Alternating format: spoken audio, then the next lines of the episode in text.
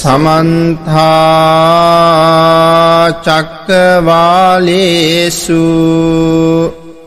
අත්‍රාගච්ඡන්තු දේවතා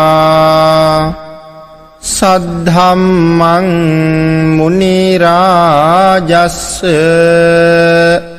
සුනන්තු සග්ග මොක්ඛදං ධම්මස්සවෙන කාලෝ අයං බදන්තා ධම්මස්සවෙන කාලෝ අයං බදන්තා ධම්මස්සවෙන කාලෝ අයං බදන්තා. නමෝතස්ස භගවතු අරහතු සම්මා සම්බුද්දස්ස. නමෝතස්ස භගවතු අරහතු සම්මා සම්බුද්දස්ස. නමෝතස්ස භගවතු අරහතු. සම්මා සම්බුද්දස්ස. සද්ධර්ම ශ්‍රාවක කාරුණික ගුණගරුක බෞද්ධ පින්නතුනි බොහෝම ශ්‍රද්ධාවෙන් යුක්තව සදී පැහැදී සූදානම්ව සිටින්නේ තථාගත ශාන්තිනායක සම්මා සම්බුදු පියාණන් වහන්සේ විසින් ලෝක සත්වයන් පිළිබඳව අනන්ත අප්‍රමාණ දයාවෙන් කරුණාවෙන් යුක්තව අවබෝධ කරගෙන දේශනා කොට වදාළ අති උතුම් ශ්‍රී සද්ධර්ම රත්නයෙන් අබමල් රේණුවකටත් වඩා අඩු බොහෝම පුංචි කොටසක් දේශනා කරවා ගනිමින් ධර්ම ගෞරවය පෙරදරි කරගෙන දේශනාගත ධර්මය ශ්‍රවණය කරන්නත් එසේ ධර්ම ශ්‍රවණය කිරීමෙන් ලැබෙන අවවාද අනුශාසනා මඟ පෙන්වීම තම තමන්ගේ ජීවිතවලට එකතු කරගෙන වඩාත් නිවැරදි ඊ타ත්ම ධර්මානුකූල වූ මෙලව ජීවිතයක් සකස් කර ගන්නත් නිවැරදි වූ ධර්මානුකූල වූ මෙලව ජීවිතයක් තුළින් සුගතිගාමී වූ පරලොව ආයති භවයකින් සැනසීමේ පරම පවිත්‍ර චේතනාව මුදුන්පත් කරගෙනයි සද්ධර්ම ශ්‍රවණය කරන්න සූදානම් වෙන්නේ. ධර්ම ශ්‍රවණය කිරීම ඊතා ශ්‍රේෂ්ඨ පින්කමක්. ඒ වගේම ධර්ම දාණය ලෝක ධාතුවේ තියෙන සියලුම දානයන් අභිභවනය කළ එකම ශ්‍රේෂ්ඨතර වූ දානය. තව්තිසා වැසි දෙවියන් අතර ප්‍රශ්න හතරක් ඇති වුණා. මේ දෙවිවරු මේ ප්‍රශ්න හතරට උත්තර හොයන්න වසර 12ක් මුළුල්ලේ දස දහසක් සක්වලවල් වල තියෙන දෙව්ලොවවල් වල ඇවිද්දා. නමුත් මේ දිව්‍ය ලෝක වලින් උන්වහන්සේලාට කවදාවත් පිළිතුර හම්බ වුණේ නැහැ. නැවත වතාවක් මේ සක්වලේ සතර වරන් දෙවියන් මුණ ගැහිලා විමසනවා මේකට උත්තර. උන්වහන්සේලා සඳහන් කරනවා සක් දෙවිඳු කියලා කියන්නේ දහසක් එකවර ප්‍රශ්න විසඳුවොත් ඒ දහසට එකවර පිළිතුරු සපයන්න පුළුවන් කෙනෙක්. උන්වහන්සේ ළඟට ගිහිල්ලා අපි උත්තරේ හොයාගමු කියලා. සියලුම දිව්‍ය පිරිස සක්දෙවිඳු ළඟට ගිහිල්ලා මේ කාරණාව ඇහුවා. උන්වහන්සේ ප්‍රකාශ කරනවා මේකට පිළිතුර මම දන්නෙත් නෑ. හැබැයි පිළිතුර ලබා ගන්න සුදුසුම කෙනා මේ දවස්වල ලෝක ධාතුවේ වැඩ ඉන්නවා. සවැත් නුවර ජේතවනාරාමේ සම්මා සම්බුදු පියාණන් වහන්සේ වැඩ ඉන්න නිසා අපි ගිහිල්ලා උන්වහන්සේගෙන් මේ ප්‍රශ්නය අහමු. දහස් ගණනක් දෙවිවරු පෙරටු කරගෙන සක් දෙවිඳු ජේතවනයේට මධ්‍යම රාත්‍රියේ ඇවිල්ලා බුදු පියාණන් වහන්සේට වැඳලා මේ ප්‍රශ්න හතර ඉදිරිපත් කරනවා. ප්‍රශ්න හතර තමයි ස්වාමීනි මේ ලෝකේ සියලුම දානයන් අභිභවනය කරන එකම දානය කුමක්ද? සියලුම රසයන් අභිභවනය කරන එකම රසය කුමක්ද? සියලුම රතීන් අභිභවනය කළ එකම රතිය කුමක්ද? කුමක් නැති කිරීමෙන් ස්වාමීනි සියලු දුක් නැති කරන්න පුළුවන්ද? භාග්‍යතුන් වහන්සේ මේ ප්‍රශ්නෙට තමයි පිළිතුරු සැපෙව්වේ. සබ්බ දානං ධම්ම දානං ජිනාති. සබ්බ රසං ධම්ම රසං ජිනාති. සබ්බ රතින් ධම්ම රතින් ජිනාති. තණ්හක්කයෝ සබ්බ දුක්ඛං ජිනාති. සියලුම දානයන් අභිභවනය කළ දාණය ධර්ම දානයයි සියලුම රසයන් අභිභවනය කළ රසය ධර්ම රසයයි සියලුම රතීන් අභිභවනය කළ රතිය ධර්ම රතියයි තණ්හාව නැති කිරීමෙන් සියලු දුක නැති කරන්න පුළුවන්. එහෙමනම් ඒ අති උතුම් ධර්ම දානමය පින්කම මේ මොහොතේ ලංකාවාසී ලෝකවාසී සද්ධර්මයට කැමති සියලුම දෙනා වෙනුවෙන් බෙදලා දෙන්න දානය කරන්න සූදානම් වෙන මොහොතේ භාග්‍යතුන් වහන්සේ දේශනා කළා මේ දැහත් වට්ටිය පිළිගන්වලා ස්වාමීනි ධර්ම දේශනාවක් පවත්වන්න කියලා ආරාධනාවක් කළොත් ලැබෙන ආනිසංස ප්‍රමාණය මහා කල්ප 8ක් කියලා.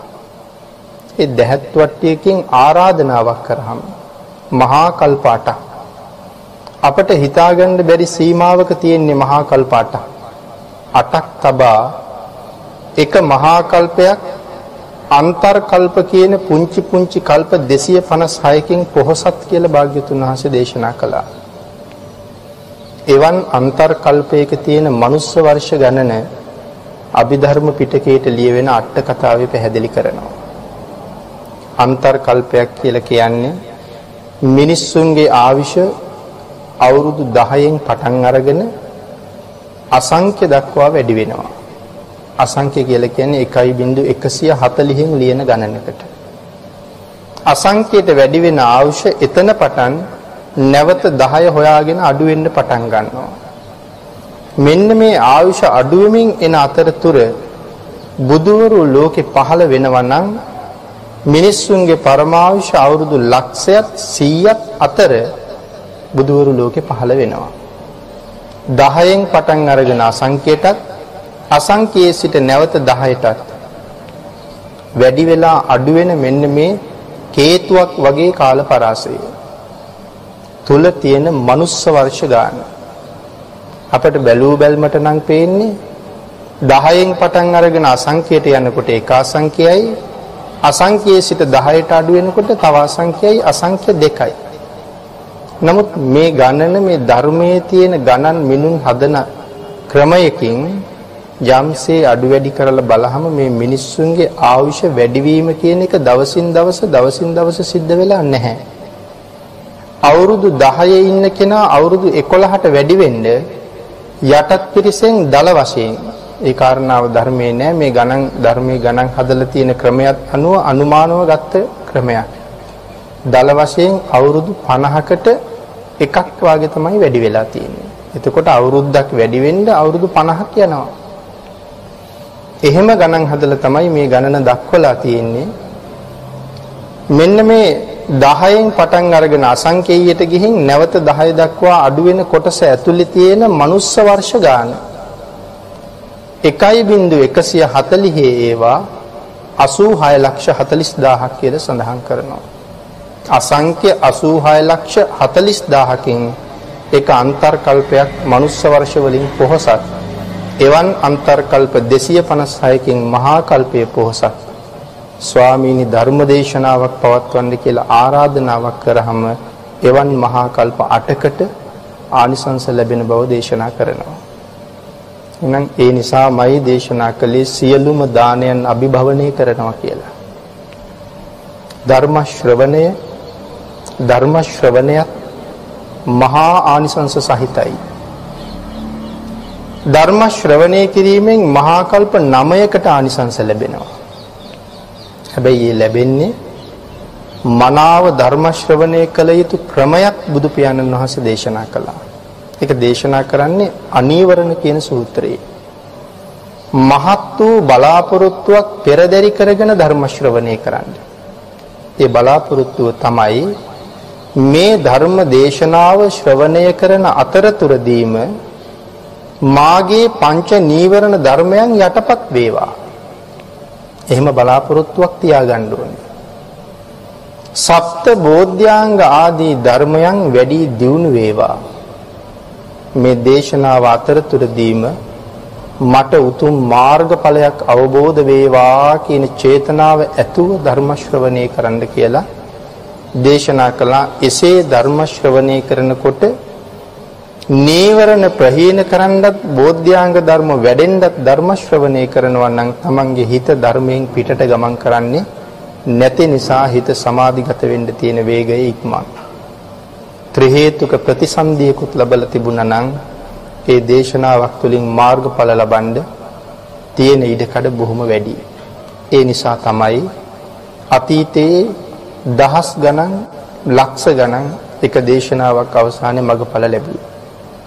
මේ ශාසනයේ වැඩියෙන්ම මාර්ගඵල ලැබලා තියෙන්නේ බණ අහලා. ඒ මෙන්න මේ විදිහට හිත එකඟ කරලා ධර්ම ශ්‍රවණය කරපු නිසා. එහෙමනම් ධර්ම ශ්‍රවණානි සංසයත් ධර්ම දානානි සංසයත් ධර්මයට ආරාධනා කිරීමේ කුසලයක් තියෙන මේ මහා පුණ්‍ය ශක්තියින් සියල්ලම පෙරටු කරගත්ත මහා පුණ්‍යවන්ත පිරිසක් තමයි මේ බොහොම ශ්‍රද්ධාවෙන් සද්ධර්ම ශ්‍රවණය කරන්න සූදානම් වෙන්නේ.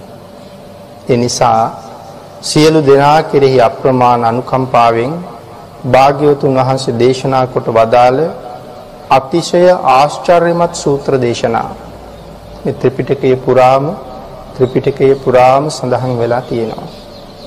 ඒ ආශ්චර්යමත් දේශනාවන් අතර එක සූත්‍රයක් අද ධර්ම මාතෘකාව හැටියට තෝරගත්තා. ඊටා දීර්ඝ සූත්‍ර දේශනාවක්. ඒ නිසා එක දවසකින් දෙකකින් මේ දේශනාව ඉවර කරන්න බැරි වෙයි. දේශනාව ඉවර කරන්න පුළුවන්. නමුත් දේශනාවේ ආශ්චර්ය දකින්න පුළුවන් වෙන්නේ මේ දේශනාවට මූලික වෙච්ච නිධානයත් අටුවාවේ භාග්‍යවතුන් වහන්සේ ඒ පිළිබඳව කරලා තියෙන දීර්ඝ විස්තරයත් භාග්‍යතුන් වහන්සේගේ ධර්ම දේශනාවක් බොහෝ දහම් කරුණු රැසකින් පොහසත්. ඒක මේ දේශනාව මුල ඉඳලා ශ්‍රවණය කරොත් අපිට දැනෙනවා ඒක දේශනාවක් කොච්චර දහම් කරුණු වලින් පොහසත්ද කියලා. ඒ කරුණු ටික ටික එකතු කරගත්තොත් තමයි මේ දේශනාවේ ආශ්චර්යමත් බව දකින්න පුළුවන්කම තියෙන්නේ. ඒ නිසා මේ කාරණා සියල්ලම එකතු කරගෙන ඔබ ලබාගත් මේ දුර්ලභ අවස්ථාව ලෝක සත්වයාටම සද්ධර්මයේ පිළිබඳව රසය දකින්න තියෙන අවස්ථාවක්. ඒ නිසා අපි මේ සියල්ල සාකච්ඡා කරමින් දේශනාව නිමා කරන්න උත්සාහ කරමු. සූත්‍ර දේශනාව තමයි දීඝනිකායේ දෙවන මහා වර්ගයේ හත්වෙනි සූත්‍රය මහා සමය සූත්‍ර දේශනාව. පිරිත්පතෙන් අපි මේ සූත්‍රය හොඳට හොඳට අහලා තියෙනවා. දෙවිවරු බොහෝම ප්‍රිය කරන සූත්‍ර දේශනාවක් හැටියටයි අපි මේ දේශනාව අහලා තියෙන්නේ. ඒ නිසා භාග්‍යවතුන් වහන්සේත් දේශනා කරලා තියෙනවා මේ සූත්‍ර දේශනාව ඕනෑම වෙලාවක ඕනෑම වෙලාවක සත්‍යයනා කරන්න කියලා දේශනා කරලා තියෙනවා. සමහර සූත්‍ර තියෙනවා හිතුමතේ දේශනා කරන්න එපා කියලා සඳහන් කරපු සූත්‍ර දේශනත් තියෙනවා. ඒ අතර මහා සමය ඕනෑම වෙලාවක දේශනා කරන්න භාග්‍යතුන් වහන්සේගෙන් අවසර ලැබිලා තියෙනවා. මහා සමය සූත්‍ර දේශනාව. කපිලවස්තුවේ මහා වනයේදී තමයි මේ දේශනාව ආරම්භ වෙන්නේ. සාමාන්‍යයෙන් සෑම බුදුරජාණන් වහන්සේ නමකගේම ශාසනය තුල මේ මහා sannipāta සිද්ධ වෙනවා. මහා sannipāta කියන්නේ විශාල පිරිස් ඒකරාශී වීම විවිධ අවස්ථාවන් වල සිද්ධ වෙලා තියෙනවා. ඉතින් අපේ බුදුරජාණන් වහන්සේගේ ශාසනය තුලත් මේ මහා sannipāත කීපයක් මේ මහා sannipāත කියන වචනයෙන් හඳුන්වන්නේ අපි දකින මහා කියන ප්‍රමාණය නෙමෙයි අපට හිතාගන්න බැරි ප්‍රමාණයක් මහා කියලා සඳහන් කරන්නේ ඒකයි. ඉතින් අපේ ශාසනයේ ඇති වෙන පළවෙනි sannipāතය සිද්ධාර්ථ බෝසතාණන් වහන්සේ මෞකුස පිළිසිඳ ගන්න මොහොත. මේ මහා sannipāතයක් ඇති වෙන තැන. මෞකුසෙන් බිහි වෙන මොහොත. ප්‍රථම ධර්මදේශනාව පවත්වන මොහොත.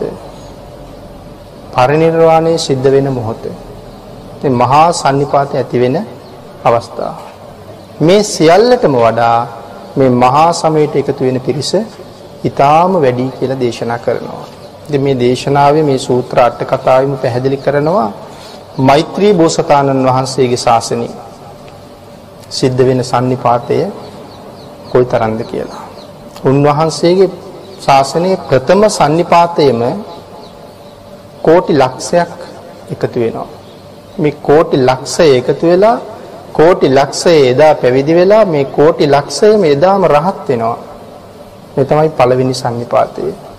දෙවෙනි සම්නිපාතයේ කෝටි 90000යි තුන්වෙනි සම්නිපාතයේ කෝටි 80000යි. ඉතින් අපේ බුදුරජාණන් වහන්සේගේ නিত্য පරිවාර නিত্য පරිවාර හැටියට භික්ෂුන් වහන්සේලා 1250ක් පිළිබඳව සඳහන් කරනවා. ඉතින් අර වාගේ මහා සන්නිපාත උන්වහන්සේගේ ශාසනය තුල තිබුණා. මේ සියලුම සන්නිපාත අතර සෑම බුදු කෙනෙකුගේම ශාසනයේ ඇති වෙන විශාලතම sannipātයයි මේ මහා සමය දේශනා කරන වෙලාවේ ඇති වෙන sannipātය. ඒ කියන්නේ හැම බුදු කෙනෙක්ම මහා සමය දේශනා කරනවා. ධර්මයේ සමානයින්නේ. නෑ අපේ බුදු පියාණන් වහන්සේ ධර්මයේ දේශනා කරන වෙලාවට රැස් වෙන sannipātයත් අනාගතයේ මෛත්‍රී බුදු පියාණන් වහන්සේ මහා සමය දේශනා කරනකොට රැස් වෙන පිරිසත් අතීතයේ කාශ්‍යප බුදු පියාණන් වහන්සේ ඇතුළු අතීත බුදු පියාණන් වහන්සේලා මහා සමය දේශනා කරනකොට රැස් වෙන පිරිසත් සමානයි කියලා සඳහන් කරනවා. මහා මහා සමය සමානයි. ඉතින් බුදු පියාණන් වහන්සේ වැඩ හිටපු කාලේ නම් අද ලෝකේ ජීවත් වෙනවට වඩා විශාල ජනගහනයක් හිටියා. ඒ කාරණාව ධර්මයේ තුලින්ම ඔප්පු වෙනවා. වර්තමානයේ නම් ලෝකේ සඳහන් කරන්නේ මිලියන 700ක් විතර ලෝක ජනගහනය වර්තමානයේ අතීතයේ එක නගරයක කෝටි 18ක් ඉඳලා තියෙන නගර තියෙනවා. සවැත් නුවර කෝටි 18ක් ඉඳලා තියෙනවා. රජගහ නුවර කෝටි 18ක් ඉඳලා තියෙනවා. විශාල ජනගහනයක් අතීතයේ ජීවත් වෙලා තියෙනවා. ඉතින් මෙයා ජනගහනය අඩුුනේ ඇයි? එදා එච්චර ජීවත් වෙන ජනගහනය අඩ වෙනකොට අඩුුනේ ඇයි කියන කාරණාවත් භාග්‍යතුන් වහන්සේම පැහැදිලි කරලා තියෙනවා. විශේෂයෙන් මේ කාරණාව දේශනා කරනවා අංගුත්තර නිකායේ පලෝප කියන සූත්‍ර දේශනාවේ මේ ජනගහනය අඩු වෙන්න හේතු වෙන කාරණාව මොකද්ද කියලා. එකක් තමයි යුද්ධ. යුද්ධ කරලා ජනගහනය අඩු වෙලා තියෙනවා. මෙතන යුද්ධ කියලා සඳහන් කරන්නේ මේ අපි දකින යුද්ධ නෙමෙයි. අතීතයේ ඇතැම් රජවරු විශේෂයෙන් ධර්මාශෝක රජුරුවන්ගේ සීයා චන්ද්‍රගුප්ත මහරජුරු වාගේ අය කරපු යුද්ධ හඳුන්වන්නේ ශීර්ෂ කලන්දයක් මැරුණා කියලා. ශීර්ෂ කලන්දයක්. මේ වචනේත් අපට අලුත්.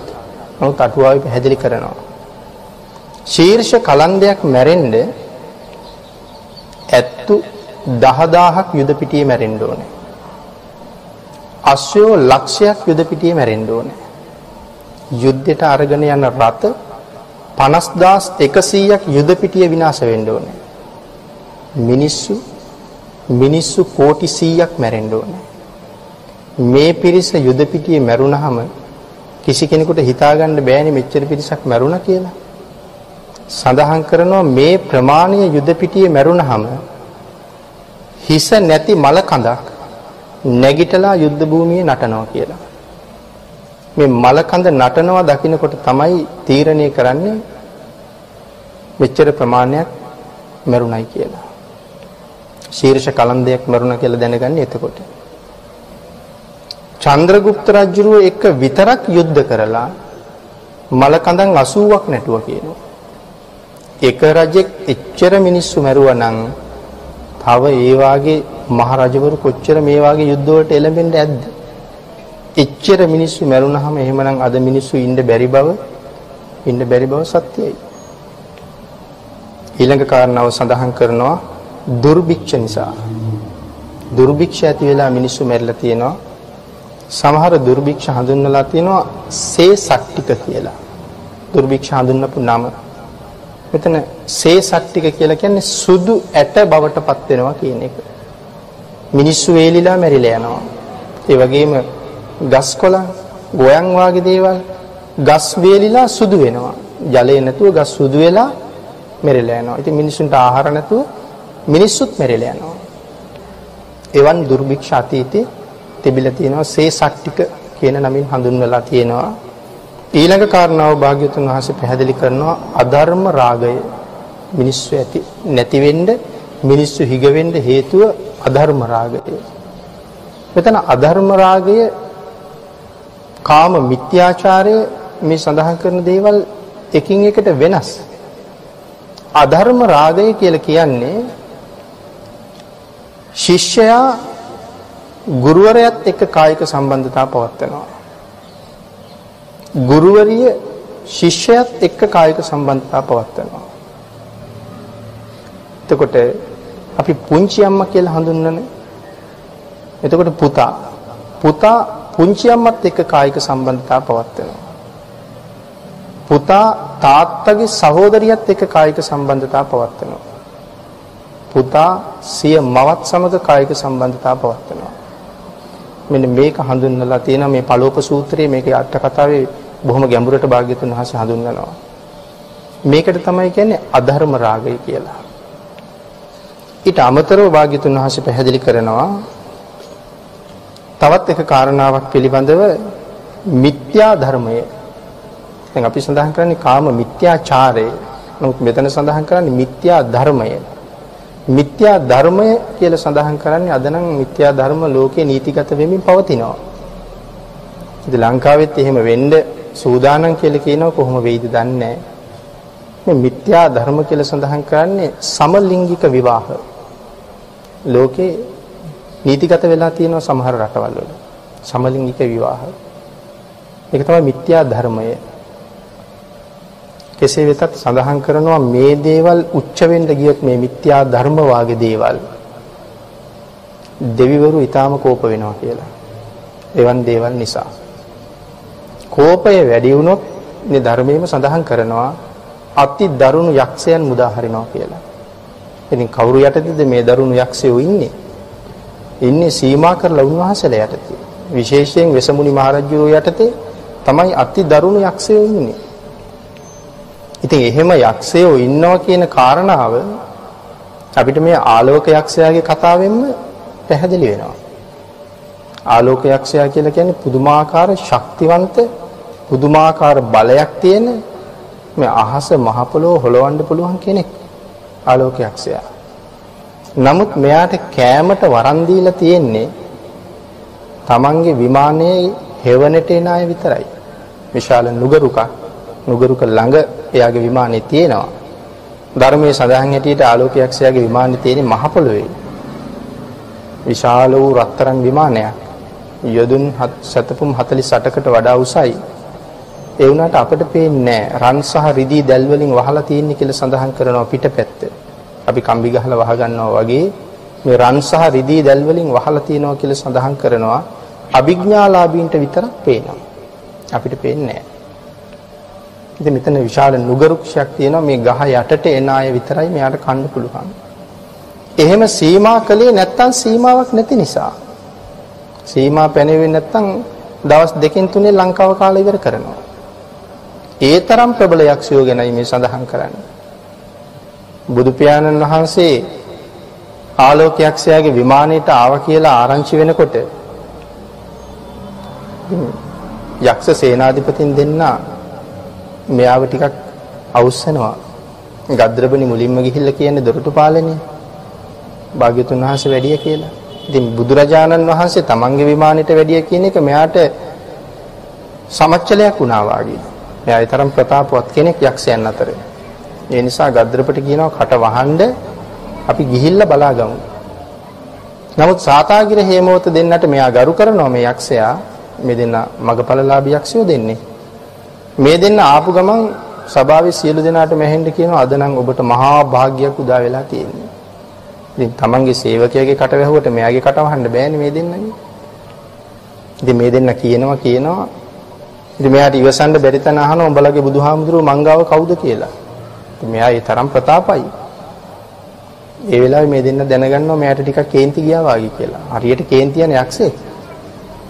ඒ වෙලාවේ මේගොල්ලෝ කියනවා මහ විශාල වෘෂභ රාජයෙක් ගාව අද ඉපදෙන වහු පැටියෙක් කොහොමද? අපේ බුදු පියාණන් වහන්සේ ගාව උඹ ඒ වාගේ.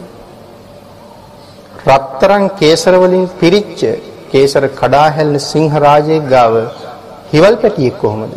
අපේ බුදු පියාණන් වහන්සේ ගාව උඹ ඒ වාගේ. යොදුන් 150ක් විතර දිග විශාල ගුරුළු රාජයෙක් මෙවන් ගුරුළු හිටිය කියලා ධර්මයේ සඳහන් කරනවා. මෙවන් විශාල ගුරුළු රාජයෙක් ගාව ඔබ හරියට තට්ටු කැඩිච්ච කපුටෙක් වගේ. මේ වචනේ ප්‍රකාශ කරනකොට ආලෝකයක්ෂයාගේ සීමාව ඉක්මවා යනවා. සමාගමේ කටයුතු පසක දාලා සඳහන් කරනවා මනෝසීල කියන පර්වතයට වම් පාදයේ තියලා තවත් පර්වතයක තමයි දකුණු පාය තියන්නේ. කෛලාස කූට පර්වතය. මනෝසීලාව වමින් පාගලා දකුණු පාය තියන්නේ කෛලාස කූටයට. මේ පර්වත පාදයන් යොදුන් දහස් ගණනක් විශාලයි. ඉතින් එවන් පාදයන් දෙකක් තියෙන පර්වත දෙකක දෙපය තියන්න ආලෝකයක්ෂයා කොහොමද කියලා හිතන්න ඕනේ. සඳහන් කරනවා යා පය තියෙනකොටත් මනෝසීලාව පතුරු ගැලවි ගැලවි වැටෙනවා කියලා. පුපුරනවා මහ පර්වතේ. ඒකෙන් සඳහන් කරන්නේ මෙයාගේ ප්‍රතාපවත් භාවය. ඉතින් මේ පර්වතයේ උඩ හිටගෙන මෙයා කෑ ගහලා කියනවා අහං ආලෝකෝ කියලා. මම තමයි මම තමයි ආලෝක. මේ ලෝකේ මට එහා කෙනෙක් නෑ වගේ මෙයා කෑ ගහන්නේ. හැබැයි මේ කාරණාවෙන් තව ධර්ම කාරණාවක් පැහැදිලි කරනවා. ඒක මේ නිධානයේට සම්බන්ධ නැති වුණත් සඳහන් කරපු නිසා සඳහන් කරමු මේ දඹදිවටම ඇහිච්ච හඬවල් හතරක් ලෝකෙ තිබිලා තියෙනවා. මුළු දඹදිවටම ඇහෙන හඬවල් හතරයි.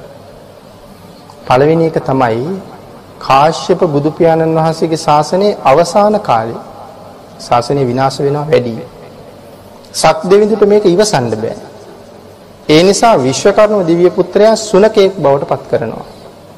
සුනකෙක් හැටියට වෙස් ගන්නවල මේ සුනකයා කෑ ගහනවා ශාසනය විනාශ කරන දුස්සීල භික්ෂූන් දුස්සීල භික්ෂුණීන් දුස්සීල උපාසකයන් දුස්සීල උපාසිකාවන් මං කනවා කියලා කෑ ගහනවා.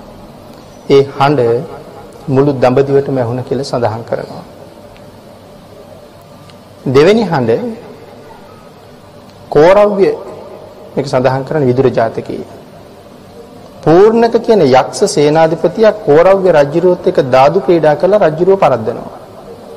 රජුරුව පරද්දලා එයා කෑ ගහලා අත්පුඩි ගහලා hina වෙනවා මම දිනුවා කියලා. ඒක මුළු දඹදිවටම ඇහෙනවා. තුන්වෙනි හඬ අපේ බෝසතාණන් වහන්සේමයි කුස රජුරුව.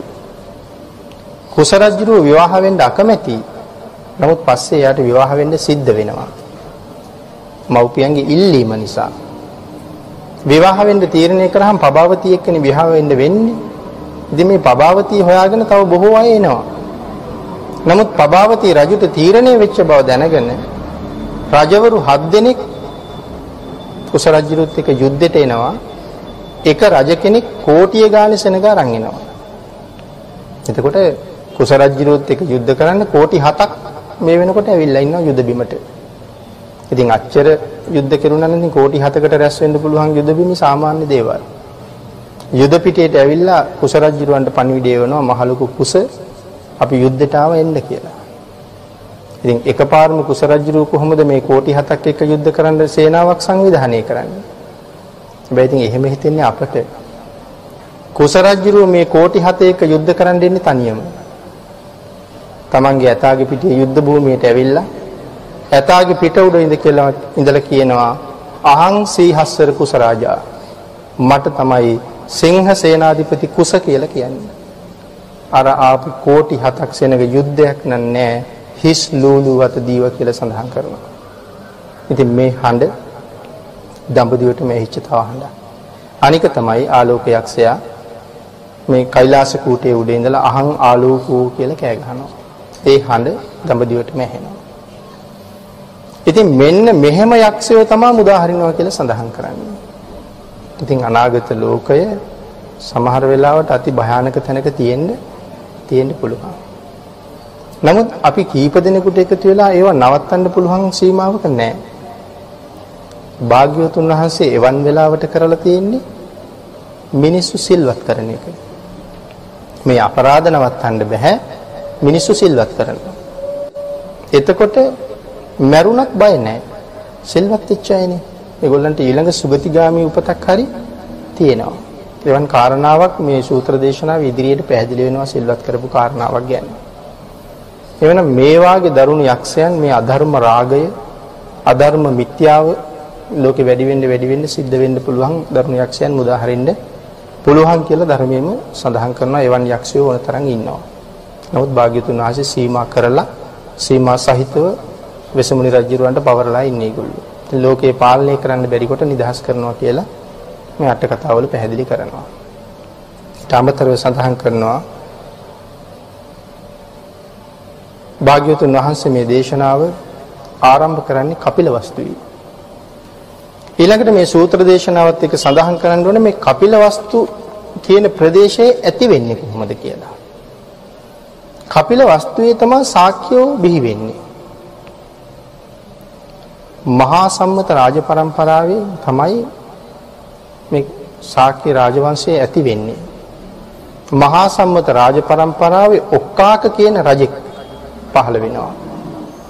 ඔක්කාක රජුරුවන්ගේ පළවෙනි බිසව අකාලේ මැරෙනවා. ඇයට ඉන්නවා දරුවෝ 9ක්. දූවරු 5යි පුතාලා 4යි. මව මැරිලා ගියාට පස්සේ රජෙක්ට තව බිසවක් කොහොමත් ඉන්නවා. රජුරුව කල්පනා කරනවා මහදේවියගේ දරුවන්ට පස්සේ කාලේ කරදර ඇති වෙන්න පුළුවන්. ඒ නිසා මේගොල්ලන්ට වෙනම රාජ්‍යයක් හදාගන්න අවසර ලැබලා දුන්නොත් ඒගොල්ලෝ වෙනම සැපසහගතව ජීවත් වෙයි. දරුවෝ නව දිනාටම කතා කරලා මේ කාරණාව කියහම ඒගොල්ලෝ හරි සතුටින් ඒක බාර ගන්නවා. හැම පැත්තෙම ශිල්ප ශාස්ත්‍ර ප්‍රගුණ කරපු පිරිස් මේගොල්ලන්ට ලබලා දෙනවා. මේ විශාල පිරිසක් අරගෙන මේගොල්ලෝ වනාන්තරයේ මැද්දෙන් යනකොට මේ කපිල කියන ඍෂිවරයා මුණ ගැහෙනවා. ඍෂිවරයා අහනවා කොහෙද ඔයගොල්ලෝ යන්නේ? මේ කුමාරවරු කියනවා අපි අලුතෙන් රාජ්‍යයක් හදාගන්න තමයි මේ යන්නේ. කපිල ඍෂිවරයා කියනවා ඕගොල්ලන්ට රාජ්‍යයක් හදාගන්න ඕනම නම් රාජ්‍යයක් හදාගන්න හොඳම තැන තමයි මෙතන. මේ මම ඉන්න තැන තමයි රාජ්‍යයක් හදන්න හොඳම තැන. හේතුව තමයි මෙයා සඳහන් කරනවා මෙතන මැඩියෙක් උපන්නොත් මම ඉන්න මෙතන මැඩියෙක් උපන්නොත් ඒ මැඩියා නාගයෙකුට වඩා ශක්තිමත්. ඒ මැඩියා අල්ලන්න නාගයාට බෑ. එයා ශක්තිමත්. මෙතන මුවෙක් උපන්නොත් ඒ මුවා සිංහයෙකුට වඩා ශක්තිමත්. ඒ මුවාව පරද්දන්න ඒ සිංහයාට බෑ. ඒ නිසා මෙතන යමෙක් උපදිනවා නම් ඒ උපදින අය ඊටාම ශක්තිමත්. ඔගොල්ලෝ ඒ නිසා මෙතන මෙතන ඔයගොල්ලන්ගේ නගරය හදන්න. මේගොල්ලෝ ඒක බාර අරගෙන මෙතන නගරය හදන්න තීරණය කරනවා. නගරය හදන්න තීරණය කරලා දැන් නගර සැලැස්ම ඇඳගෙන නගරය හදාගෙන යනවා. නමුත් දැන් මේගොල්ලන්ට විවාහ වෙන්න ක්‍රමයක් නැහැ. මොකද මහා සම්මත රාජපරම්පරාව කියලා කියන්නේ අවුරුදු දහස් ගණනක ඉඳලා අතිශය පාරිශුද්ධයි මේ රාජපරම්පරාව. ඒ නිසා වෙනදා තමන් විවාහ වෙන කුල ප්‍රවීණි හොයාගෙන ආපහු යන්න බෑ. නමුත් ඒගොල්ලන්ට විවාහයක් වුන් නැත්තම් මේ නගරේ වැඩෙන ක්‍රමයක් නැහැ. නමුත් પરම්පරාවට හරි ආදරෙයි. ඒ නිසා මේගොල්ලෝ තීරණය කරනවා අපි සහෝදරයෝයි සහෝදරියෝයි විවාහ වෙමු කියලා. එතකොට කුල પરම්පරාව අපිරිසිදු වෙන්නේ නැහැ. එහෙම තීරණය කරාට ගෑනු දරුවෝ 5 දෙනෙක් ඉන්නවා. මේගොල්ලෝ තීරණය කරනවා වැඩිමල්ම සහෝදරිය අම්මා තනතුරේ තියමු. අනික් හතර දෙනයි පිරිමි හතර දෙනයි විවාහ වෙන්නේ. ඒගොල්ලෝ තමයි විවාහ වෙලා ඒගොල්ලන්ගෙන් උපදින දරුවෝ තමයි මේ නගරේ ඊළඟට පෝෂණය කරන්නේ. ඔක්කාක රජුරවන්ට ආරංචි වෙනවා පුතාලා ටික නගරයක් හැදුවා රාජ પરම්පරාව අපිරිසිදු කෙරුවේ නැහැ. ඒගොල්ලෝ මේ විදිහට විවාහ වුණා. රජුරවන්ට හරි සතුටක් දැනුණා පරම්පරාව අපිරිසිදු කෙරුවේ නෑ. සක්කා වතබෝ කුමාරෝ සක්‍යා වතබෝ කුමාරෝ කියලා වචනයක් පිට වෙනවා. අපි බෝසතාණන් වහන්සේගේ ශ්‍රී මුක ධාතුවිනුත් පිට වුණානේ. රාහුලෝ ජාතෝ බන්ධනං ජාතා.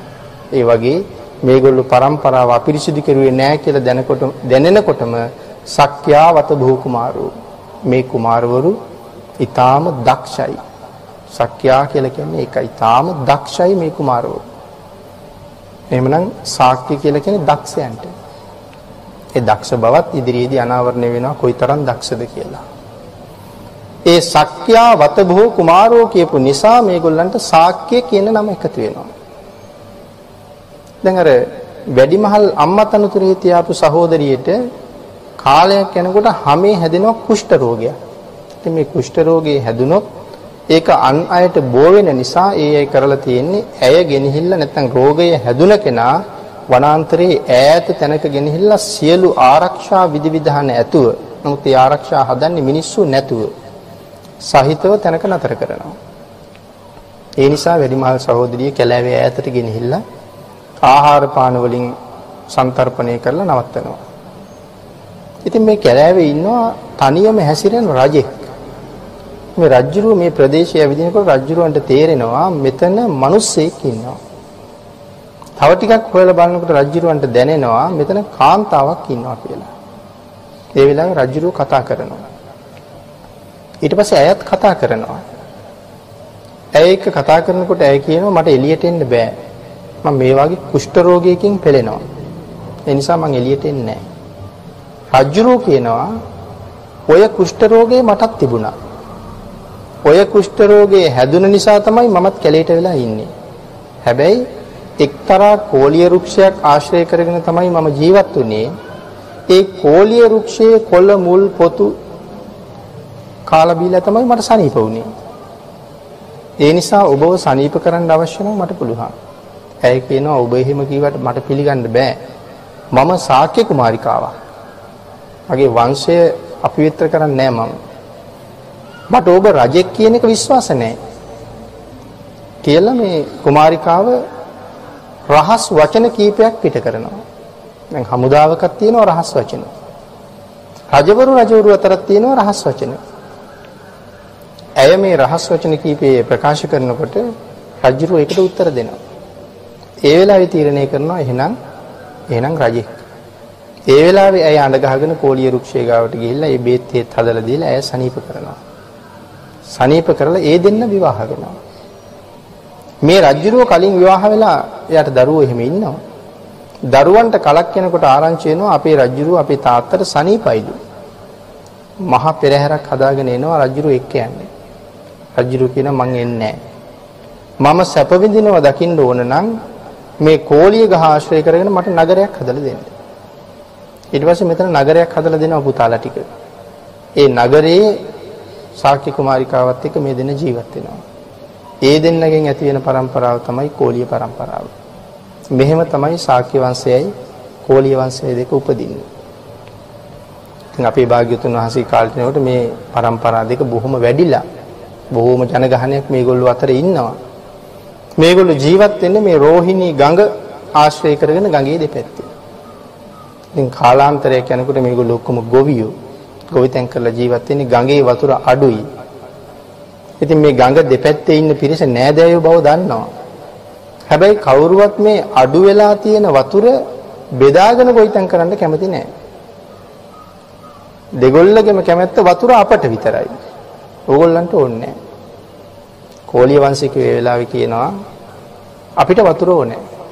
අපි දෙන්නේ අපි ගොවිතැන්පත් කරාම ඕගොල්ලෝ ඇවිල්ලා අපට මුදල් ගෙවලා රන් රිදී ගෙවලා අපෙන් අරන් ධනෙ ධාන්‍ය අපෙන් ගෙනහිල්ලා ඕගොල්ලෝ කාලා ජීවත් වෙන්නේ. මේකට එක්කෙනෙකුට කේන්ති යනවා. මේ රජවරු නෙමෙයි මෙතන ඉන්නේ කම්කරුවෝ ටික. කේන්ති ගිහිල්ලා ඉතින් අපේ වගේම වචන හරඹයක් ගිහිල්ලා එක්කෙනෙකුට කේන්තිය පාලනය කරගන්න බැරුව එක්කෙනෙකුට පහරක් ගහනවා. ගහන කෙනා වැටෙනවා එයා නැගිටලා අනිත් කෙනාටත් ගහනවා. දැන් මෙතනින් තමයි මේ ගැටුම ආරම්භෙන්නේ. දැන් කම්කරුවෝ ටික කොහොම හරි ගැටුම ආයේ निराකරණය කරගෙන ගිහිල්ලා නමුත් රජවරු ගාවට ගිහිල්ලා මේක ටිකක් වැඩි කරලා තමයි තියන්නේ. දැන් දෙගොල්ල යුද්ධයට සූදානම්. ඉතින් මේ දෙගොල්ලම මේ ගැටුම ඇති වෙලා සංවිධානය වෙලා දැන් යුද්ධයකට ඇවිල්ලා ගඟ දෙපැත්තට වෙලා යුද්ධ කරන්න මේ වෙනකොට භාග්‍යතුන් වහන්සේ පහළ වෙලා උන්වහන්සේ බුද්ධත්වයේ ලැබලා මේ දීර්ඝ කතාවක් බොහොම කෙටියෙන් සඳහන් කරන්න. භාග්‍යතුන් වහන්සේ මහා කරුණා සමාපත්තියෙන් දකිනවා මේ දෙගොල්ල යුද්ධ කරගන්නවා කියලා කියන්නේ දෙගොල්ලම නැතුව යනවා. දැන් අපි නම් යුද්ධයක් දැක්කහම අනිවාර්යෙන් ජය ලැබෙන පිරිසක් ඉතුරු වෙන්න ඕනේනේ. මේ යුද්ධේ එහෙම නිමා වෙන්නේ නැහැ. අරගොල්ලොත් ඉවරයි මේගොල්ලොත් ඉවරයි. එහෙම යුද්ධයක් මේක. ලෝකේ කෙනෙකුට හිතන්න බැරි යුද්ධ. සඳහන් කරනවා මේගොල්ලෝ යුද්ධයේ ඒ තරම් දක්ෂයි. දඹදිවට හිටියේ මහා සටන්කාමීන් තුන් දෙනයිනේ. එක්කෙනෙක් කොසල් රජුරු. අනිත් එක්කෙනා මහාලි ලිච්ඡවි. ලිච්ඡවි රජෙක්. අනිත් එක්කෙනා තමයි අපි හැමෝම දන්න බන්දුල මල්ල. මේ තමයි දඹදිව හිටපු මහා සටන්කාමීන් තුන් දෙනා. මේ තුන් දෙනා ඉස්මතු වෙලා පේන්නේ අරගොල්ලෝ සටන් කරන්නේ නැති හින්දා. නැත්තම් ලෝකේ පහළ වෙච්ච අතිවිශිෂ්ටම සටන්කාමීන් තමයි මේ ශාක්‍ය වංශයේ කෝලිය වංශිකයෝ. නමුත් මේ දෙගොල්ල ප්‍රාණඝාත කරන්නේ නැහැ. හැබැයි ඒක තීරණය වෙන්නේ පස්සේ. අර වෙලාවේ ප්‍රාණඝාත කරන්න ලෑස්ති වෙනවා. මේ ප්‍රාණඝාත කරන්නේ නැහැ කියන තීරණය ආයි පස්සේ එන්නේ. මේගොල්ලෝ ඒ තරම් දක්ෂයි. ඉතින් සඳහන් කරනවා මේ අටුවාවේ එහෙම ශාක්‍ය රජ කෙනෙක් කෝලිය රජ කෙනෙක් යුද්ධයට අවතීර්ණ වුණාම පිටේ එල්ලලා තියෙන කූඩෙට එකපාර ඊතල දහස් ගාණක් දානවා. දුන්නින්නේ විදගන්නේ. මේ අත දුනු කූඩෙන් දුන්නක් ගන්න ඊතලයක් ගන්නවත් දුන්නට තියලා මුදා හරිනවත් මේ අත යනව එනවා පේන්නේ නැහැ කියලා සඳහන් කරන්නේ. හිතන්න තියෙන්නේ අපි මේ විදුලි පංකාවේ තටු කැරකෙනවා අපිට පේන්නේ නැහැ. ඒ වගේ තමයි මේගොල්ලන්ගේ අත යනව එනවා පේන්නේ නැහැ. විනාඩි ගණනක් ඇතුළත ඊතල දහස් ගණනක් හිස් වෙනවා. ඒ තරම් වේගවත් කියලා සඳහන් කරන යුද්ධය ඒක හොඳටම පැහැදිලි වෙන තැනක් තමයි ශාක්‍යයන් සමූල ඝාතනය කරන්න විදුඩබ කුමාරයා ආපු වෙලාවේ. හැබැයි මේ වෙලාවේ මේගොල්ලෝ ප්‍රාණඝාත කරන්නේ නැහැ කියලා තීරණය කරලා ඉන්නේ. විදුඩ බේන වෙලාවේ. නමුත් දන්නවා දැන් අම්මවරුන්ගේ කුස ඇතුලේ ඉන්න දරු පැටව හිටන් අම්මගේ කුස කපල ඇදලා අරන් මරනවා. ඒ තරම් විනාශයක් වෙනවා දැන්. ඒක හොඳටම දන්නවා. ඒ නිසා රජවරු කීප දෙනෙක් කතා කරනවා මේක කොහොම හරි නවත්තන්න උත්සාහ කරමු කියලා. නවත්තන්න උත්සාහ කරන යුද්ධයක් කරන්න ඕනේ. ඉතින් මේගොල්ලෝ යුද්ධයට යනවා මේගොල්ලන්ගේ දක්ෂතාවය කියන එක තැන. යුද්ධයට යනවා. විදුඩබගේ පිරිස ගඟේ එහා පැත්තේ ඉන්නවා. සාක්‍ය රජවරු මෙහා පැත්තේ ඉන්නවා අරගොල්ලන්ට විදිනවා. විදිනවා කියලා කියන්නේ අට කතාවේ සඳහන් කරනවා මේ වීතල එන්නේ වැස්සක් වාගේ. විදුඩබ කියනවා දහස් ගණනක් අරන් ඇවිල්ලා ඉන්නේ යා. දුවමු දුවමු මේ මොන යුද්ධ කිරිල්ලක්ද මේ වැස්ස වාගේ එනවා කියලා. ඒ වුණාට විදුඩබ කුමාරයාගේ පූජිත දන්නවා මේ ශාක්‍ය රජවරු කවදාවත් ප්‍රාණඝාත කරන්නේ නැහැ කියලා. පූජිත ගිහිල්ලා රජුරන්ට කියනවා කලබල වෙන්න එපා. ප්‍රාණඝාත කරන්නේ නැහැ මේ රජවරු. විතරක් ශ්‍රේෂ්ඨද? විදුඩ බහන මොන නැත්තේ ඇයි? මේ එන ඊතල ප්‍රමාණයට ඉවර ඇති අපේ මිනිස්සු. රජතුමනි ගණන් කරලා බලන්න එක මිනිහෙක් මැරිලා නැහැ කියනවා. මේ විදින්නේ බය කරන්නේ. හැබැයි විදිනවා කියලා සඳහන් කරනවා මේ කිහිල්ලට යටින් විදිනවා ඇඟේ වදින්නෙත් නෑ අතේ වදින්නෙත් නෑ. කම්පෙත්ත යටින් විදිනවා කියලා කියනවා බෙල්ලේ වදින්නෙත් නෑ කනේ වදින්නෙත් නෑ. කකුල් අතරින් විදිනවා කියනවා කලව දෙකේ වදින්න නැති වෙන්නේ. සමහර වෙලාවට සමහර ඊතල ගමන් කරනවා කෙස් අතරින් යනවා හිසට හානියක් නොවෙන්නේ. ඉතින් මේ වැස්ස වාගේ ඊතල කිසිම පුද්ගලයෙකුගේ ඇඟේ නොවදින්න බය කරන්න මේ තරම් මුදා හරින්න ඒගොල්ලෝ මොන තරම් දක්ෂතාවයක් තියෙන්න ඕනේද? ඉතින් මිනිස්සු මැරිලා නැහැ බලහම කවුරුවත්. ඒ නිසා විදුඩුබ කියනවා එහෙනම් ගිහිල්ලා සාක්‍යයයි කියනවද අහන්න කියනවා. සාක්‍යද මරන්න කියනවා. මොකද සාක්‍යය බොරු කියන්නේ නැහැ. එතකොට ප්‍රාණඝාත කරන්නෙත් නැහැ බොරු කියන්නෙත් නැහැ. ඒ හින්දා සාක්‍යද කියලා ඇහුවොත් මැරුවත් ඔව් කියනවා. මේ අතර සමහර අය මේ යුද්ධයට කලින් රටින් පිට වෙලා ඉඳලා තියෙනවා. ඇතැම් අය තනකොළ සහ උණගස් අල්ලගෙන ඉඳලා තියෙනවා. බොරුවක් කියන්නේ සම්‍යක් ප්‍රයෝගයක් පාවිච්චි කරනවා. මේ උණගස් අල්ලගෙන ඉන්න අය ගාවට ගිහිල්ලා සාක්‍යද කියලා අහපුවාම මේගොල්ලෝ කියන මේ ශාක නෙමෙයි උණ. බොරුවක් කියවෙන්නේ මේ ශාක නෙවෙයි උණ. මරලා නැහැ. තෘණ තනකොළ අල්ලගෙන ඉන්න අය ගාවට ගිහිල්ලා ආපුවම ශාක්‍යද කියලා මේ ශාක නෙමෙයි තෘණ. ඒගොල්ලෝ මරලත් නැහැ. ඉතින් මේගොල්ලෝ සම්‍යක් ප්‍රයෝගයක් කරලා බේරිලා තියෙනවා. ඉතින් පස්සේ ඒගොල්ලෝ හඳුන්වලා තියෙනවා උණ සාක්කියෝ සහ තෘණ සාක්කියෝ කියලා. එහෙම සම්‍යක් ප්‍රෝගයක්වත් පාවිච්චි කරපු නිසා වටිනාකම ටිකක් අඩු කරලා තියෙනවා. ඒ තරම් සිල් රකින්නවා මේ අය. ඒ සිල් රකින්නෙත් අපිට හරි වටිනවා මේ කියමන් භාග්‍යතුන් වහන්සේ ළඟට ගිහිල්ලා කියනවා ස්වාමීනි අපි මාසෙකට සැරයක් අට සිල් ගන්නවා කියලා. මාසෙකට සැරයක්. ඉතින් අපි අපිට දාලා බලන්න ඕනේ එතකොට. භාග්‍යතුන් වහන්සේ අහනවා මේ ගොර බිරන් සංසාරයෙන් ගොඩ යන්න මාසෙකට සැරයක් අට සිල් අරන් ඇත්නම් කමන්නේ කියලා. ලැජ්ජ හිතෙනවා එතකොට. පස්සේ ඇවිල්ලා බුදු පියාණන් වහන්සේට කියනවා ස්වාමීනි මුළු ජීවිත කාලයම අපි අට සිල් ගන්නවා කියලා. එහෙමනම් ශාක්‍යයන්ට අනුමත කරලා තියෙන්නේ අට සිල්. මුළු ජීවිත කාලෙම අට සිල් මත. ඉතින් තථාගතයන් වහන්සේ දන්නවා අපිට එහෙම බැරි බව. නමුත් අපට දේශනා කළා මුළු ජීවිත කාලෙම පන්සිල් මත ඉන්න කියලා. ඉතින් අට සිල් මත තබා පන්සිල් මතවත් අපිට පුළුවන් ද කියන එක ආපහු තීරණය කරන්නත් ඕනේ.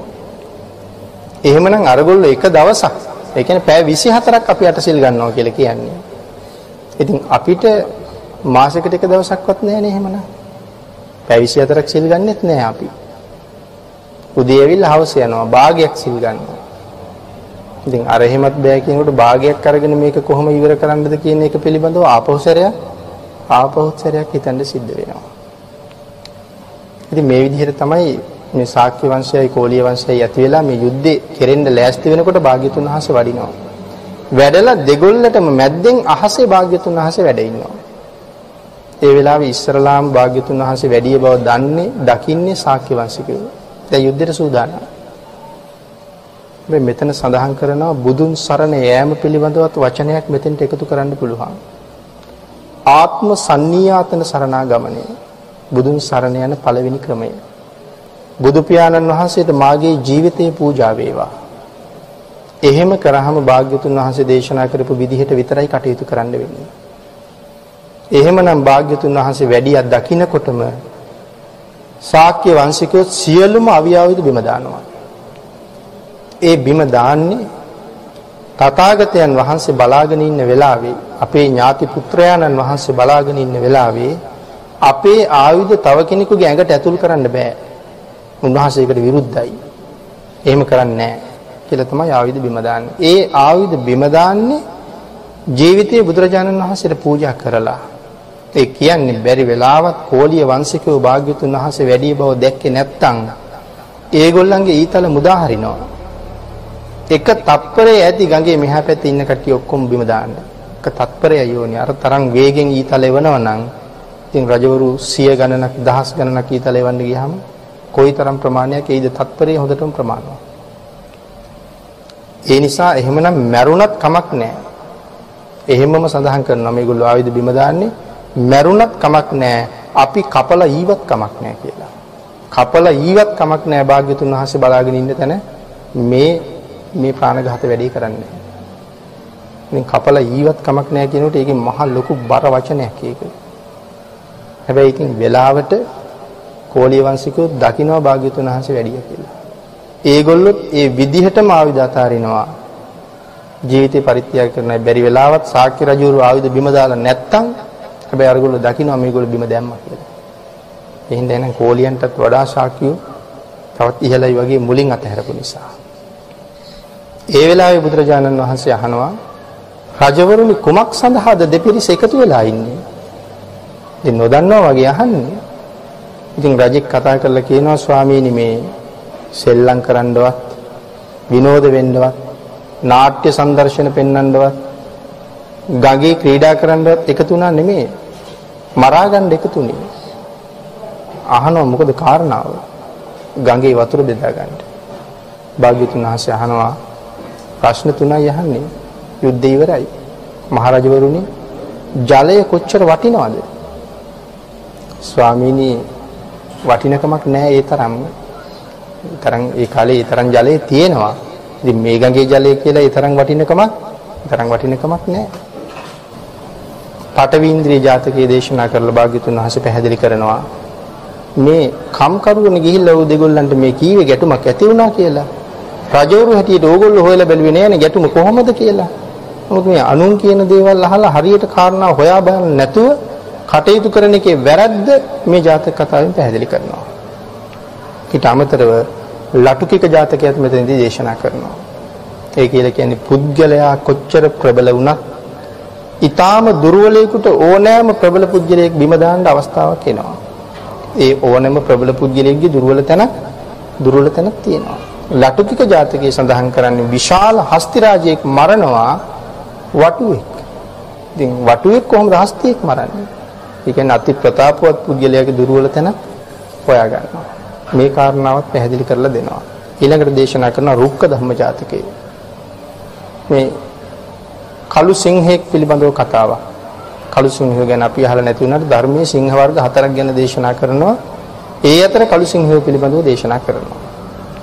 ඒත් මේ සොයා බලන්න නැතුව ඇති කරගත්ත කලහය පිළිබඳව කතාවක් මේ කාරණාව දේශනා කරලා වට්ටක ජාතකයක් දේශනා කරලා ජාතක කතා පහක් මෙතන දේශනා කරනවා මම ඒකයි මුලින් සඳහන් කළේ භාග්‍යවතුන් වහන්සේගේ දේශනාව මොන තරම් ධර්ම කාරණා වලින් පිරෙනවද කියලා.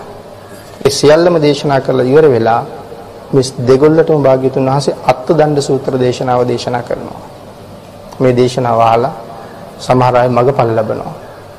බොහෝම ප්‍රසාදයටපත් වෙනවා. සිද්ධාර්ථ ගෞතමයන් අපි දෙගොල්ලගෙම මුදුන් මල්කඩ. අපි ගාව හිටියනම් මේ වෙනකොට රජුන් දහසක් පිරිවරාගත්ත සක්විති රජෙක් මේ ඉන්නේ. අපි ගාව හිටියනම් අපි මෙයා පිරිවරාගත්ත අය. රජුන් දහසක් පිරිවරාගත්ත සක්විති රජෙක්. නමුත් අද සක්විති රජ අතහැරලා ගියා. නමුත් අද උන්වහන්සේ සක්විති රජ වුණා නම් සතර මහා දීපයට අධිපති විතරයි වෙන්නේ. නමුත් අද කොච්චරකට අධිපතිද? සක්වලවල් කෝටි ලක්ෂයකට අධිපති. සක්වලවල් කෝටි ලක්ෂයක් කියලා කියන්නේ සක්වලකට තියෙනවා ලෝක 31ක්. රූපී අරූපී බ්‍රහ්ම ලෝක 20යි, දිව්‍ය ලෝක 6යි, අපායවල 4යි, මනුස්ස ලෝක 1යි. 31යි. එක සක්වලකට පායන්නේ එක ඉරයි එක හඳයි. එහෙනම් අති උත්තමයන් වහන්සේගේ ආඥා ශේෂ්ත්‍රය ඇතුලේ ඉරවල් කෝටි ලක්ෂයක් පායනවා හඳවල් කෝටි ලක්ෂයක් පායනවා මේ තමයි රාජ්‍ය. සම්මා සම්බුද්ධ රාජ්‍ය. මේ තරම් අති උත්තමයන් වහන්සේ. දැන් සම්මා සම්බුද්ධ රාජා එහෙනම් අදත් අති උත්තමයන් වහන්සේ පෙරටු කරගෙන රජවරු සිටිය යුතුයමයි කියලා තීරණය කරනවා. තීරණය කරලා ශාක්‍ය වංශිකයෝ රජවරු 250කුත් කෝලිය වංශිකයෝ රජවරු 250කුත් බුදුරජාණන් වහන්සේ වෙනුවෙන් වෙන් කරනවා. මේගොල්ලෝ රාජ්‍යකම් කරන විවාහ වෙලා ඉන්න රජවරු. නමුත් රාජ සම්මතයෙන් එන නිසා මේ කාටවත් කියන්න බෑ අපට බෑ වෙන කෙනෙක් යවමු කියලා. මේ 250ම පැවිදි කරනවා. මේගොල්ලෝ බුදුන් පිරිවරන්න නෙන්නේ පැවිදි වෙනවා 250ම. පැවිදි වුණාට මේගොල්ලෝ ගැන මේගොල්ලෝ ගාව පැවිද්දට කැමැත්තක් නැහැ. ඉතින් කොච්චරවත් රාජ්‍ය පිළිබඳව කල්පනා කරනවා, බිරිඳ පිළිබඳව කල්පනා කරනවා, බිරිඳෑවරු තව මේ මදුවට පණිවිඩත් වෙනවා. මහානකමේ නම් ඉන්න එපා. අපිට ඕගොල්ලෝ නැතුව මේ ගෙවල් වල ඉන්න හරි කරදරයි. කොහොම හරි ගෙදර එන්න කියලා මේගොල්ලෝ පණිවිඩ එවනවා. එහෙම පණිවිඩ එවන්න එවන්න තව ශාසනික ඇල්ම තව අඩු වෙනවා. නමුත් භාග්‍යතුන් වහන්සේ බලාගෙන ඉන්නේ මේගොල්ලන්ගේ සිතුවිලි ක්‍රියාත්මක වෙන හැටි. එක දවසක් භාග්‍යතුන් වහන්සේ මෙතෙන්ට ඇවිල්ලා මේ භික්ෂූන් එක්ක සාකච්ඡා කරනවා මුකුත් දන්නේ නැහැ වගේ. සාකච්ඡා කරලා මේ ඇයිට හිමාලය පිළිබඳව කරුණු පැහැදිලි කරලා කුණාල පොකුණ කුණාල පොකුණ පිළිබඳව දේශනාවක් කරනවා. අති ආශ්චර්යමත් දේශනාවක්. මේ කුණාල පොකුණ පිළිබඳව දේශනාව කරලා ඉවර වුණාම මේ භික්ෂුන් වහන්සේලාට පුදුම කුතුහලයක් තියෙන දැන් දැන් දැන් කුණාල පොකුණ බලා ගන්න තිබුණා මොන තරම් වටිනවද කියලා. දැන් භාග්‍යතුන් වහන්සේ දන්නවා කට්ටියම හරි තැනට ඇවිල්ලා. ඒ වෙලාවේ අහනවා මහණෙනි කැමැතිද කුණාල පුකුණ බලන්න යන්න? ඒ වෙලාවේ මේගොල්ලෝ සඳහන් කරනවා ස්වාමීනි යන්න නම් පුදුම අවශ්‍යතාවයක් තියෙනවා. ඒ වුණාට ඉතින් අපි යන්නේ කොහොමද? අපිට 이르දියක් නැහැනේ. භාග්‍යතුන් වහන්සේ ඒ වෙලාවේ මතක් කරනවා මහණ යන්න අවශ්‍ය නම් මම එක්ක යන්නම්. මගේ 이르දියෙන් සියලු දෙනාම සියලු දෙනාම එක්ක යන්නම් කියලා භාග්‍යතුන් වහන්සේ සඳහන් කරනවා. ඉතින් හැමෝම එක සිතින්ම කැමති වෙනවා එහෙනම් ස්වාමීනි වඩිමු කියලා. භාග්‍යතුන් වහන්සේගේ 이르දීන් මේ 500ම අහසින් එක යනවා. හිමාල පර්වතයේ මුදුනට පර්වතයේ පල්ලෙහා තියෙන භාග්‍යතුන් වහන්සේ භික්ෂුන් වහන්සේලා 500ක් එක්ක අහසේ වැඩ ඉන්නවා. මහා හංස රාජේ පියුම් විලක් හොයාගෙන යන්නාසේ බිම් බලා සිටින්නන්ට අතිශය ආශ්චර්යමත් දර්ශනයක් මේක. අහසේ රැඳිලා මේ භික්ෂුන් වහන්සේලාත් එක්ක ඉන්න වෙලාවේ භික්ෂුන් වහන්සේලාට පේනවා මේ හිමාලය කොයි තරම් ආශ්චර්යජනකද. අපිට නම් තියෙන්නේ රත්තරන් ටිකක් ටිකක් මාලයක් වලල්ලක් මුද්දා සඳහන් කරනවා හිමාලයේ මුදුනේ රන් පර්වත තියෙන්නේ. හිමාලයේ මුදුනේ රත්තරන් පර්වත රිදී පර්වත මණික් පර්වත. මේ වගේ රන් රිදී මුතු මණික් පර්වත තමයි තියෙන්නේ. මේ පර්වතයන් ඇති අති අලංකාර වූ ගල්තලා ඇති ඊතා විශේෂ වූ පොකුණු සහිත මේ පොකුණු පිරිවරාගත්ත කුණාල පොකුණු සහිත තාම සුන්දර දර්ශනයක් තමයි දකින්න ලැබෙන්නේ. ඉතින් මේ දර්ශනෙත් දැකලා මේගොල්ලන්ට බොහොම ප්‍රියයි. භාග්‍යතුන් වහන්සේ යොදුන් 60ක් විතර පළල ගල් තලාවක් මත යොදුන් 7ක් උස සල් ගහක් මුල තවත් යොදුන් 3ක් පළල සිරියල් යහනාවක් මත වැඩ හිටියා කියලා සඳහන් කරලා. ඉතින් යොදුන් 7ක් යොදුනක් කියලා කියන්නේ සතපුම් 16ක් කියලා අපි සඳහන් කරන්නේ. යොදුන් 7ක් මේ සල්ගහ උසයි. එතන භාග්‍යතුන් වහන්සේ වැඩ ඉඳගෙන අර භික්ෂුන් වහන්සේලාට කියනවා මහණෙනි මේ ආශ්චර්ය බලන්න ඔබලා දන්නේ නැති ගහක් කොළක් සතෙක් සිව්පාවෙක් මේ පොකුණක මාළුවෙක් අඳුරන්නේ නැති කෙනෙක් දැක්කොත් මගෙන් අහන්න. කියලා භාග්‍යතුන් වහන්සේ උන්වහන්සේලාට ඒවා බලන්න දීලා උන්වහන්සේ වේක ගන්නවා. ඉතින් මේගොල්ලෝ ප්‍රශ්න ගොඩක් අහනවා. සියල්ලටම උත්තර දෙදී ඉන්න වෙලාවේ කුරුල්ල දෙන්නෙක් එනවා. කුරුල්ල දෙන්නෙක් එනවා මේ කුරුල්ල දෙන්නගේ හොටේ තියෙන කෝටු කෑල්ල. දෙන්නම කෝටුව අල්ලගෙන ඉන්නේ. මේ කෝටුව උඩ වහලා ඉන්න කුරුල්ලෙක්. කියන්නේ කුරුල්ලා මේ කෝටුව උඩ නංගගෙන මේගොල්ලෝ යනවා. මේක දැකලා භික්ෂුන් වහන්සේලා අහනවා ස්වාමීනි මේ කුරුල්ලා අනික් කුරුල්ලන්ගේ රජ්ජුරුව වෙන්නේ නේද කියලා ඇහුවා. මේ කුරුල්ලා වට කරගෙන ඉන්නවා කිරිල්ලියෝ 48 දෙනෙක්. යනකොට යන්නේ කිරිල්ලියෝ 4 දෙනෙක් යටින් යනවා කිරිල්ලියෝ 4 දෙනෙක් උඩින් යනවා කිරිල්ලියෝ 4 දෙනා 4 දෙනා දෙගොල්ලක් පිටුපසින් සහ ඉස්සරහින් යනවා 4 දෙනා 4 දෙනා දෙපිරිසක් දෙපැත්තෙන් යනවා එතකොට කිරිල්ලියෝ 48ක් විතර මෙයත් එක්ක යනවා. කෑම අරගෙන යනවා කොටස. ඉතින් මේ රජ්ජුරුව වෙන්දයි මේගොල්ලෝ පිරිවරාගෙන යන්නේ. ඒ වෙලාවේ බුදුරජාණන් වහන්සේ පැහැදිලි කරනවා මහණෙනි ඔය ඔය වංශය මගේ වංශයක්. මගේ ප්‍රවේණියක් ඔය තියෙන්නේ. අතීතයේ මමත් ඔතන හිටියා. මේ තමයි කුණාල සකුණ රාජා. කුණාල ඕල්ලන්ගේ රජුරු මේ ඉන්නේ. ඉතින් කුණාල සකුණ රාජා පිරිවරාගෙන එයාගේ පිරිස යනවා. හැබැයි මහණෙනි එදා ඕක මගේ ප්‍රවේණිය වෙලා මම මෙහි රජුරු වෙච්ච දවසේ ඒක ඊට වඩා ඉතාම ආශ්චර්යයි. මම අරගෙන මේ මගේ සේවක කුරුල්ල දෙන්න පියාඹනකොට කිරිල්ලියෝ 500ක් යටින් ගිල්ලෙනවා කියලා සඳහන් කරනවා අපේ රජතුමා බැරි වෙලාවත් වැටුනොත් අපේ අත්තටු මත රැඳේවා කියලා. ඒ තරම් රජුරවන්ට ආදරෙයි.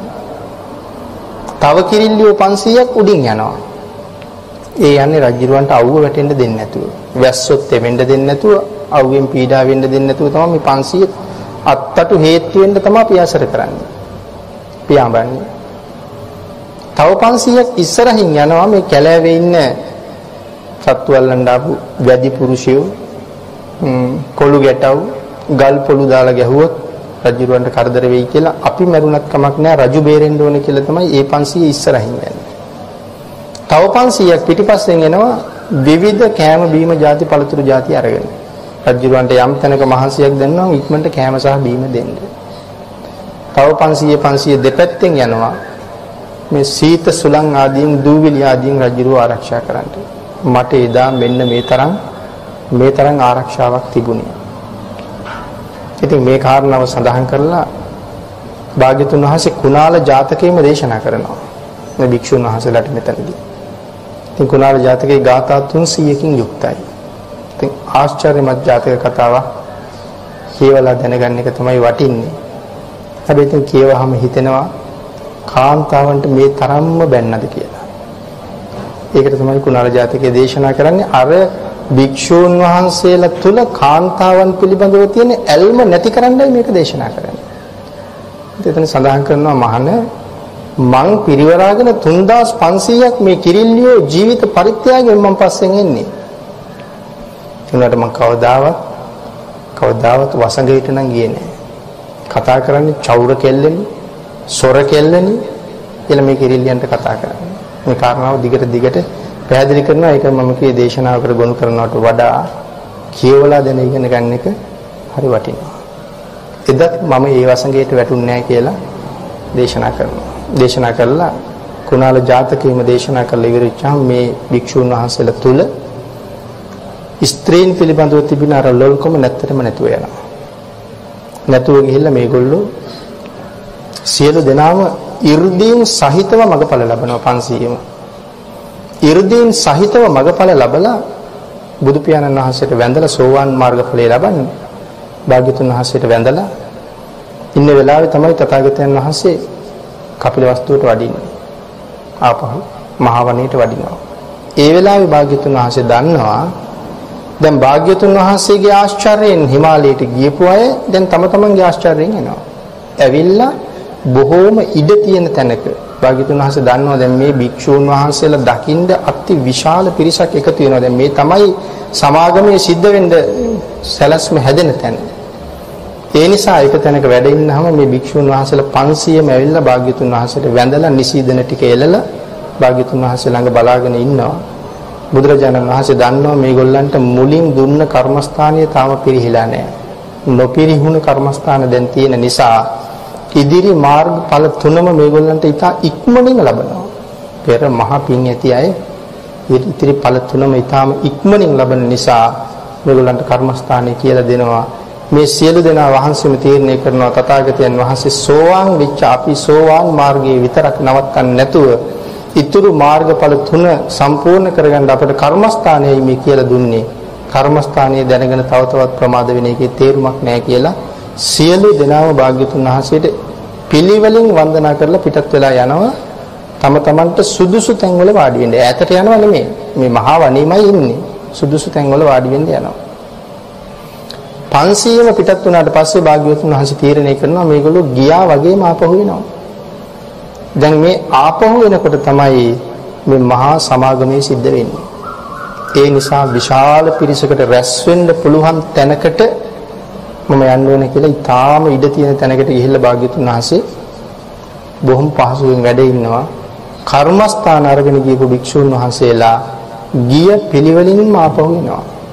හරියට මල් පිපෙනවා වගේ. ගිහිල්ලා නිසීදනේ එළලා වාඩි වෙලා කර්මස්ථානයේ සිහි කරනවා විතරයි අරිහත් වේ ලබනවා.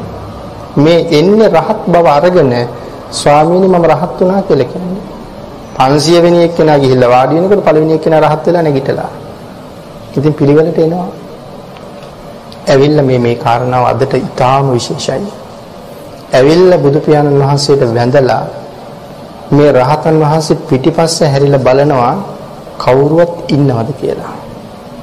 ඇයි කවුරුවත් ඉන්නවද කියලා බලන්නේ? තව කෙනෙක් ඉන්නවනම් ස්වාමීනි මම රහත් වුණා කියලා කියන්නේ එතකොට මොන තරම් නිහතමානීද මේ 500ම එකට රජකම් කරපු අය වැලි කෙලියේ ඉඳලා අම්මගේ කුසෙන් එළියට ආපු තැන ඉඳලා එකට ජීවත් වෙච්ච අය. නමුත් Taman ලබාගත් උතුම් ඵලය උතුම් ඵලය කියන්න කැමති නෑ තව කෙනෙක් ඉන්න තැන. ඒකෙන් පැහැදිලි වෙනවා මේ ශාසනයේ අල්පේච්ඡතාවය කියන එක කොතනද තියෙන්නේ කියලා. ඒ කියන්නේ රහතන් වහන්සේ නම් කියන්නේ නෑ. ඉතින් රහත් වෙලා නැත්තම් මගඵල ලැබලා නැත්තම් මම මාර්ගඵලලාභී මම රහත් වුණා කියලා කියන්න පුළුවන්. ඉතින් ඒ කියමනින්ම තේරුම් ගන්න තියෙන්නේ එහෙමනම් මොකවත් නැහැ කියන කාරණාව. ඉතින් පළවෙනි රහතන් වහන්සේ වන්දනා කරලා බලනකොට අනික් එක්කෙනා ඇවිල්ලා. උන්වහන්සේත් නිශීදනයේලා කල්පනා කරනවා අපි දෙන්න විතරයි ඉන්නේ කියලා පස්සේ හැල්ල බලනකොට අනික් එක්කෙනා ඇවිල්ලා. ඉතින් 500ටම කියාගන්න හම්බෙන්නේ නැහැ. 500ම වන්දනා කරලා බලාගෙන ඉන්නවා කියාගන්න හම්බෙන්නේ නැහැ. නමුත් භාග්‍යතුන් වහන්සේ දන්නවා දැන් මේ 500 දෙනාම ආවේ ආවේ රහත් වෙලා. මේ රහතන් වහන්සේලා ගාව සිතුවිලි කීපයක් තියෙනවා කියලා සඳහන් කරනවා. එකක් තමයි සිතුවිලි දෙකයි තියෙන්නේ. වෙන මුකුත් සිතුවිලි නෑ උන්වහන්සේලාට. ඒ වෙලාවට කියන්නේ දිගට දරන සිතුවිලි දෙකයි තියෙන්නේ. එකක් තමයි මා ලැබූ අරිහත්වය. අනෙකුත් සියලුම සදේවක ලෝකයට වහ වහ අවබෝධ වේවා කියන සිතුවිල්ල තියෙනවා. ඊළඟට නිධානයක් හම්බුන කෙනෙක් කවදාවත් කියන්නේ නැහැ මට නිධානයක් හම්බුණා කියලා. ඒ වගේ මම ලැබූ ඵලය වෙන කිසිවෙක් නොදැන ගනිත්වා. මේ තමයි සිතුවිලි දෙක. මම ලැබූ අරිහත්වය අනිකුත් සියලුක සියලුම සදේවක ලෝකයා වහවහ දැනගනිත්වා. නමුත් මා ලැබූ ඵලය වෙන කිසි කෙනෙක් නොදැන ගනිත්වා.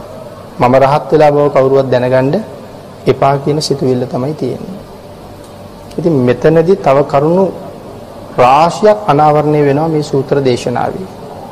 දැන් මේ භික්ෂූන් වහන්සේලා 500 බලන්න තමයි මේ මහා සමය එකතු වෙන්නේ. මේ 500 බලන්න. කොයි තරම් එකතු වෙනවද මේ පිරිස රහත් වෙලා භාග්‍යතුන් වහන්සේ ගාවට එනකොට 10000ක් සක්වලවල දෙවියෝ එළියට බහිනවා. ඉතින් සක්වලවල් 10000ක දෙවියෝ එළියට බහිනවා කියලා සඳහන් කරාම අති විශාල පිරිසක් රැස් වෙනවා.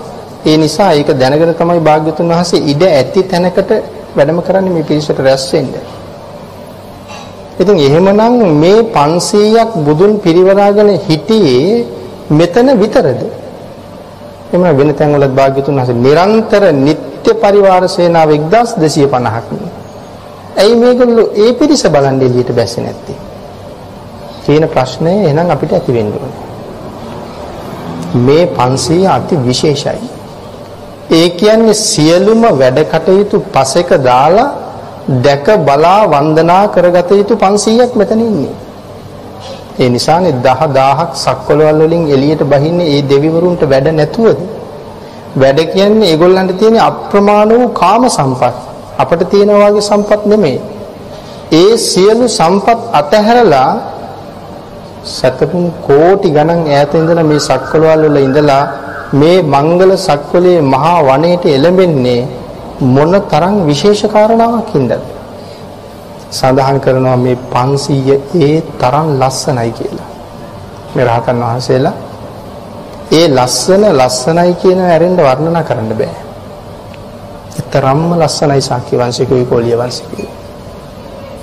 භාග්‍යවතුන් වහන්සේගේ ලස්සන කිසි කෙනෙකුට සඳහන් කරලා ඉවර කරන්න බෑ. මුළු ජීවිත කාලයම අති උත්තමයන් වහන්සේ දිහා බලාගෙන හිටියත් කාටවත් ඇති වෙලා නෙමෙයි මැරෙන්නේ. ඒ සිරුර බලලා මදි වෙලාමයි මැරෙන්නේ.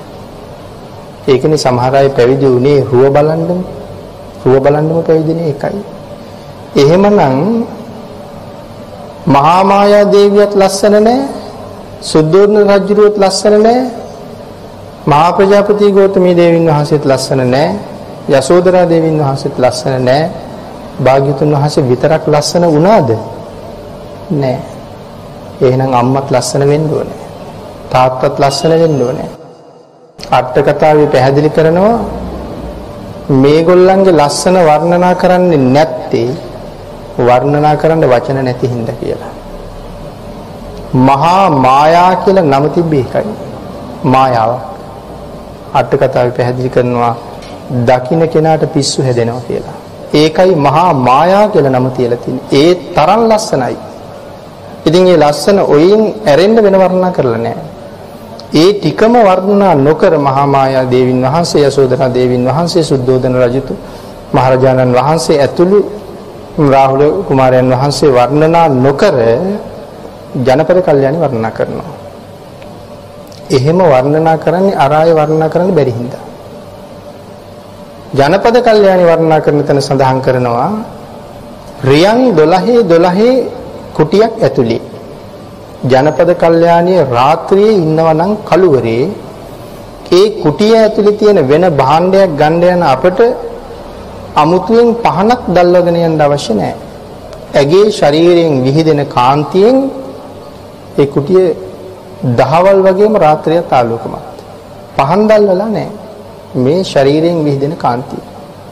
එහෙමනම් ඉඩ තියලා තියෙනවා ජනපද කල්යාණිය මෙසේනම් මහා මායා දේවින් වහන්සේ කෙසේ ඉන්නේ ඇද්ද කියලා. යසෝදරා දේවින් වහන්සේ කොහොම ඉන්නේ ඇද්ද කියලා හිතාගන්න ඉඩ තියලා තියෙනවා. එහෙමනම් මේ රාජ પરම්පරා දෙක ඒ තරම් ලස්සනයි. ඒකයි නිත්‍ය පරිවාර 1250ක් හිටියත් ඒ තරම් බැබළුන්නේ නැහැ. නමුත් මේ 500 දෙනා පිරිවරාගත්ත භාග්‍යතුන් වහන්සේ කියාගන්න බැරි තරමට බැබලෙන නිසා තමයි මේ දෙවිවරු මේ භික්ෂුන් වහන්සේලා බලන්නයි මේකට වෙන්නේ. ඒක සඳහන් කරනවා දෙවියන්ට අඳුරන්න බැරුව යනවා කියලා. භාග්‍යතුන් වහන්සේ පිරිනිවන් පෑවට පස්සේ තුන්වෙනි ධර්ම සංගායනාව සිද්ධ කරන වෙලාවේ සංඝ පීත්‍රුන් වහන්සේ හැටියට වැඩ ඉන්නේ මහා කාශ්‍යප මහ රහතන් වහන්සේ. නමුත් බුද්ධාසනේ බාර කරන්නේ ආනන්ද මහ රහතන් වහන්සේට. එනකොට රහත් වෙලා. ධර්මාසනය කියලා කියන්නේ බුද්ධාසනේ. ඒකයි මේ ආසනේ ඉඳගන්න ඒ තරම් බය. මේක බුද්ධාසනේ ධර්මාසනේ කියන්නේ. ඉතින් බුද්ධාසනේ වැඩ ඉන්නේ ආනන්ද ස්වාමීන් වහන්සේ. දෙවිවරු කල්පනා කරනවා රජෙක් මැරුණහම තව රජෙක් ලැබෙනවා. එහෙනම් බුදු පියාණන් වහන්සේ පිරිනිවන් පෑවට පස්සේ තව බුදු කෙනෙක් අපිට පහළ වෙලා කියලා. දැන් කවුරු දැකලාද මේ රැවටෙන්නේ? ආනන්ද ස්වාමීන් වහන්සේ දැකලා. ඒ කියන්නේ බුදු පියාණන් වහන්සේ ළඟ නැත්තම් මේ රහතන් වහන්සේලා දැක්කහම හිතා ගන්න බෑ මේ කවුද කියලා. භාග්‍යතුන් වහන්සේ ආනන්ද ස්වාමීන් වහන්සේ දෙදෙනා වහන්සේ ළඟ හිටියොත් තමයි අඳුන ගන්න පුළුවන් වෙන්නේ අර ඉන්නේ භාග්‍යතුන් වහන්සේ කියලා නැත්තම් අඳුරන්නේ. ඉතින් දෙවිවරු කියලා කියන්නේ අපට වඩා පේන ඇහැක් තියෙන අපට වඩා ඇහෙන කනක් තියෙන දිබ්බ චක්කු දිබ්බ සෝත තියෙන අය ඒගොල්ලන්ට මේ ආනන්ද ස්වාමීන් වහන්සේ අඳුරන්න බැරි වුණා නම් අපි කොහේ අඳුරන්නද මේ මේ කාරණා පැහැදිලි කරලා තියෙන්නෙම මේ දෙවිවරු රැස් වෙන්නේ ඇයි කියන එක අවධාරණය කරන්න. ඉතා දීර්ඝ විස්තරයක් කරනවා මේ ස්වාමීන් වහන්සේගේ ලස්සන පිළිබඳව මෙතන. සඳහන් කරනවා මේක වර්ණ භූමියක්. වර්ණනා කළ යුතු තැනක් අටකතාවේ සඳහන් කරනවා වර්ණනා නොකර අතහැරලා යන්න එපා. එහෙමනොත් සූත්‍රයේ තියෙන ආශ්චර්ය නැතු වෙනවා. මේ භික්ෂූන් වහන්සේලාගේ රූපය පිළිබඳව වර්ණනා කරන්න පුළුවන් තරම් වර්ණනා කරන්න කියලා දේශනා කරන තියෙනවා. හැබැයි මේ වර්ණනාව කරන්න අපිට බෑ. ඉතින් ඒ තරම් වර්ණනා කරලා ඉවර කරන්න බෑ. ඉතින් රාහුල ස්වාමීන් වහන්සේත් එහෙමයි මහා පුරුෂ ලක්ෂණ තිබුණා. නන්ද කුමාරයාත් එහෙමයි මහා පුරුෂ ලක්ෂණ තිබුණා. තවත් ඇතැම් අයට ඇතැම් රජවරුන්ට මහා පුරුෂ ලක්ෂණ 1 2 3 4 තිබුණා. ඒ කියන්නේ මේ රජවරු අතිශෝභමානයි කියන එකයි. ඒ නිසයි මෙච්චර වර්ණනා කරන දේශනා කරන්නේ. මොකද මේ දෙවිවරු රැස් වෙන්නේ මේ ලස්සන බලන්නනේ. භාග්‍යවතුන් වහන්සේ පිරිවරාගෙන භික්ෂුන් වහන්සේලා ඉන්නකොට සඳු පිරිවරාගත් තරු වගේ මේ භාග්‍යතුන් වහන්සේ නැතුව සරියුත් මහ රහතන් වහන්සේ පිරිවරාගෙන භික්ෂුන් වහන්සේලා ඉන්නකොටත් සඳු පිරිවරාගත් තරු වගේ මුගලන් මහ රහතන් වහන්සේ පිරිවරාගෙන භික්ෂුන් වහන්සේලා ඉන්නකොටත් සඳු පිරිවරාගත් තරු වගේමයි සඳහන් කරලා තියෙන්නේ වෙනසක් කරන්න විදිහක් නැහැ. ඒතරම්ම ලස්සනයි. ඉතින් ඒ නිසා සඳහන් කරලා දීර්ඝව ඉතින් ඒ රූප సౌందර්ය පිළිබඳව පැහැදිලි කරනවා. ඊළඟට මේ භික්ෂුවට තියෙන ශක්තිය මේ භික්ෂුන් වහන්සේලා දකින්න වටින්නේ ඒකයි. එකක් ලස්සන එකක් භික්ෂුන් වහන්සේ කෙනෙකුගේ තියෙන හැකියාව. ඒක පැහැදිලි කරන්න මෙතන අට කතාවේ පැහැදිලි කරනවා පඬිත සාමණේර ස්වාමීන් වහන්සේ ගැන කතාව. පඬිත සාමණේරයන් වහන්සේ කියලා කියන්නේ අනුරුද්ධ ස්වාමීන් වහන්සේගේ ශිෂ්‍ය රත්නය. අනුරුද්ධ මහරහතන් වහන්සේගේ ශිෂ්‍ය රත්නය. ඉතින් මේ ශාසනයේ අපි කවුද කියන කාරණාවත් මෙතන පැහැදිලි කරනවා. අනුරුද්ධ මහරහතන් වහන්සේ මහා මුණ්ඩ කියන උපාසකතුමාගේ සිටුතුමා ගාව වස් සමාදන් වෙනවා. වස් කාලේ නිමා කරලා උන්වහන්සේ වඩින්න ලෑස්ති වෙනකොට සිටුතුමා උන්වහන්සේට බොහෝ පුද පඬුරු පූජා කරනවා පින්තකා. සිටුතුමාගේ නම මහා මුණ්ඩ. අනුරුද්ධ ස්වාමීන් වහන්සේ ඔක්කොම ප්‍රතික්ෂේප කරනවා. ගෙනියන්නේ නැහැ පිළිගන්නවා තියලා යනවා. අනේ ස්වාමීනි මේ තියලා ගිහිල්ලා මම මොකද මේවට කරන්නේ? මම ඔබ වහන්සේට අයිති දේවල් දැන්. ඒ වෙලාවේ රහතන් වහන්සේ ප්‍රකාශ කරනවා සිටුතුමනි මේ දේවල් ගෙනහිල්ලා පරිස්සම් කරන්නේ කවුද? මේ තියෙන තෙල් ගිතෙල් මට කැප නැහැ. මේවා පරිස්සම් කරන්න මට ගෝලෙක් නැහැ. එහෙම නැති සාමණේර ස්වාමීන් වහන්සේ නමක් හිටියොත් මේවා ගෙනහිල්ලා පරිස්සම් කරලා අවශ්‍ය අවශ්‍ය වෙලාවල් වලට ගනි. නැත්තම් ඉතින් මං ගෙනහිල්ලා කොහොම පරිහරණය කරන්නද කියලා අහනවා. ඒ වෙලාවේ මේ සිටුවරයා කියනවා ස්වාමීනි ලොකු පුතා දෙන්නම ඔබ වහන්සේට. ශිෂ්‍යයා හැටියට. ඒ වෙලාවේ රහතන් වහන්සේ ප්‍රකාශ කරනවා මට ලොකු පුතා එපා. දැන් දෙන්නම් කියලා පොරොන්දු වුණානේ. දැන් කියනවා ලොකු පුතා එපා. ලොකු පුතා එපා නම් පොඩි පුතා දෙන්න. දැන් මෙතන සඳහන් කළේ මම මේ සම්මා සම්බුද්ධ ශාසනේ අපි කවුද කියලා හැඟෙන එක අපේට දැනුණාද? සිටිතුමාට කීවා මගේ මේ බඩු බාහිරාදිය ටික බලා ගන්න. මට ගෝලෙක් නැහැ. අපිට කීවා එහෙමනම් අපි මොකද කරන්නේ? ස්වාමීනි දින කීපයක් කල් දෙන්න මං කවුරු හරි සේවකයෙක් හොයලා දෙන්නම්. නැත්නම් කැපකරුවෙක් කොහෙන් හරි හොයලා ගෙනත් දෙන්නම්. එක්ක දරුවෝ සලකන්නේ නැති කෙනෙක්. එහෙම නැත්නම් අම්මා අප්පා නැතුව අනාථව හැදෙන දරුවෙක් මං හොයලා ගෙනත් දෙන්නම් ඔබ වහන්සේට. අපි කියනවද මේ දොස්තර විභාගේ පාස් කරලා රැකියාව ලැබෙනකන් ඉන්න මගේ පුතා එහෙම නැත්නම් ඉංජිනේරු විභාගේ පාස් කරලා ආරක්ෂාව අපේක්ෂාවෙන් ඉන්න මගේ පුතා ඔබ වහන්සේට දෙන්නම් කැපකරුකමට කියලා. අපි එහෙම කියන්නේ නැහැ කවදාවත්. නමුත් සිටුතුමා කියලා කියන්නේ පුත්තු දෙන්නයි ඉන්නේ. මහා සුමනයි චූල සුමනයි. ගත් කටට කියන්නේ ස්වාමීනි ලොකු පුතා දෙන්නම් මට ලොකු පුතා එපා කියනට කියනවා ස්වාමීනි එහෙනම් පොඩි පුතා දෙන්නම්. මේ සිටුවරයාගේ සිටු පුතා දෙන්නේ. අය මේ වැඩ දැන් සිටුමාලිගාවේ එහෙනම් වැඩකාරයෝ කොච්චර ඉන්නේ නැද්ද? වැඩකාරියන්ගේ දරුවෝ කොච්චර ඉන්නේ නැද්ද? කියන්නේ නැහැ අහවල් දාසිගේ පුතා දෙන්නම් හොඳයි උසයි මහතයි කියලා කියන්නේ නැහැ කොතනවත්. මගේ පුතා දෙන්නේ. ඉතින් සුමන සාමණේරයන් වහන්සේ බාර ගන්නවා. බාර අරගෙන කෙස් බානකොටම රහත් වෙනවා. මේ වඩින්නෙත් මේ සංසාරේ සම්බන්ධතාවය නිසා. මොකද අනුරුද්ධ ස්වාමීන් වහන්සේ ඊටාම දුගියෙක් වෙලා ඉපදිලා හිටියා. මේ දුගී ආත්ම භාවයේදී සුමන කියන සිටුවරයාගේ තනකොළ සිටුවරයාගේ අශ්වයන්ට තනකොළ කපලා තමයි ජීවත් වෙන්නේ. පසේ බුදු පියාණන් වහන්සේ නමක් මෙයාගේ පින දැකලා පින්ඩ පාත වඩිනවා. සුමන සිටුවරයා හැමදාම මේ දන්සලක් දෙනවා. මේ දන්සලෙන් තමයි මේගොල්ලෝ කන්නේ අන්න බහාර කියන දුගියා. දන්සලෙන් කන්නේ. එදා තනකොළ මිටිය අරගෙන එනකොට පසේ බුදු පියාණන් වහන්සේ මිදුලට වැඩලා තනකොළ මිටිය විසි කරලා දුවගෙන ගිහිල්ලා පාත්‍රයට ඉබිල බැලුවා දානේ ලැබිලද කියලා. ස්වාමීනි තාම දන් ලැබුණ නෑ නේද කියලා ඇහුවා. ඒ වෙලාවේ නෑ කියන්නේ ලැබෙයි පුතේ කියලා කිව්වා. ඒ වෙලාවෙම ගෙට දුවලා ගිහින් පිටිදගෙන් අහනවා මගේ කෑම එක තියනවද කිව්වා තියෙනවා කිව්වා. වහාම ගේන්න අපි වාගේ දුප්පතුන් සංසාරේ දුන්නේ නැති හින්දායි මේ දුප්පත්කම. අපිට දෙන්න කෙනෙක් ඉන්න වෙලාවේ දෙන්න දෙයක් නැහැ. දෙන්න දෙයක් තියෙන වෙලාවට දෙන්න කෙනෙක් නැහැ. අද ඒ වාග්ය උදා වෙලා තියෙනවා කියලා කෑම එක හැමෝම අරගෙන දුවගෙන ඇවිල්ලා පාත්‍රය අරන් ගිහිල්ලා ඒ පාත්‍රයට දානික පූජා කරලා ගෙනහිල්ලා පසේ බුදු පියාණන් වහන්සේගේ අතට පාත්‍රය පිරිනමලා මෙයා එක ප්‍රාර්ථනාවයි කරන්නේ.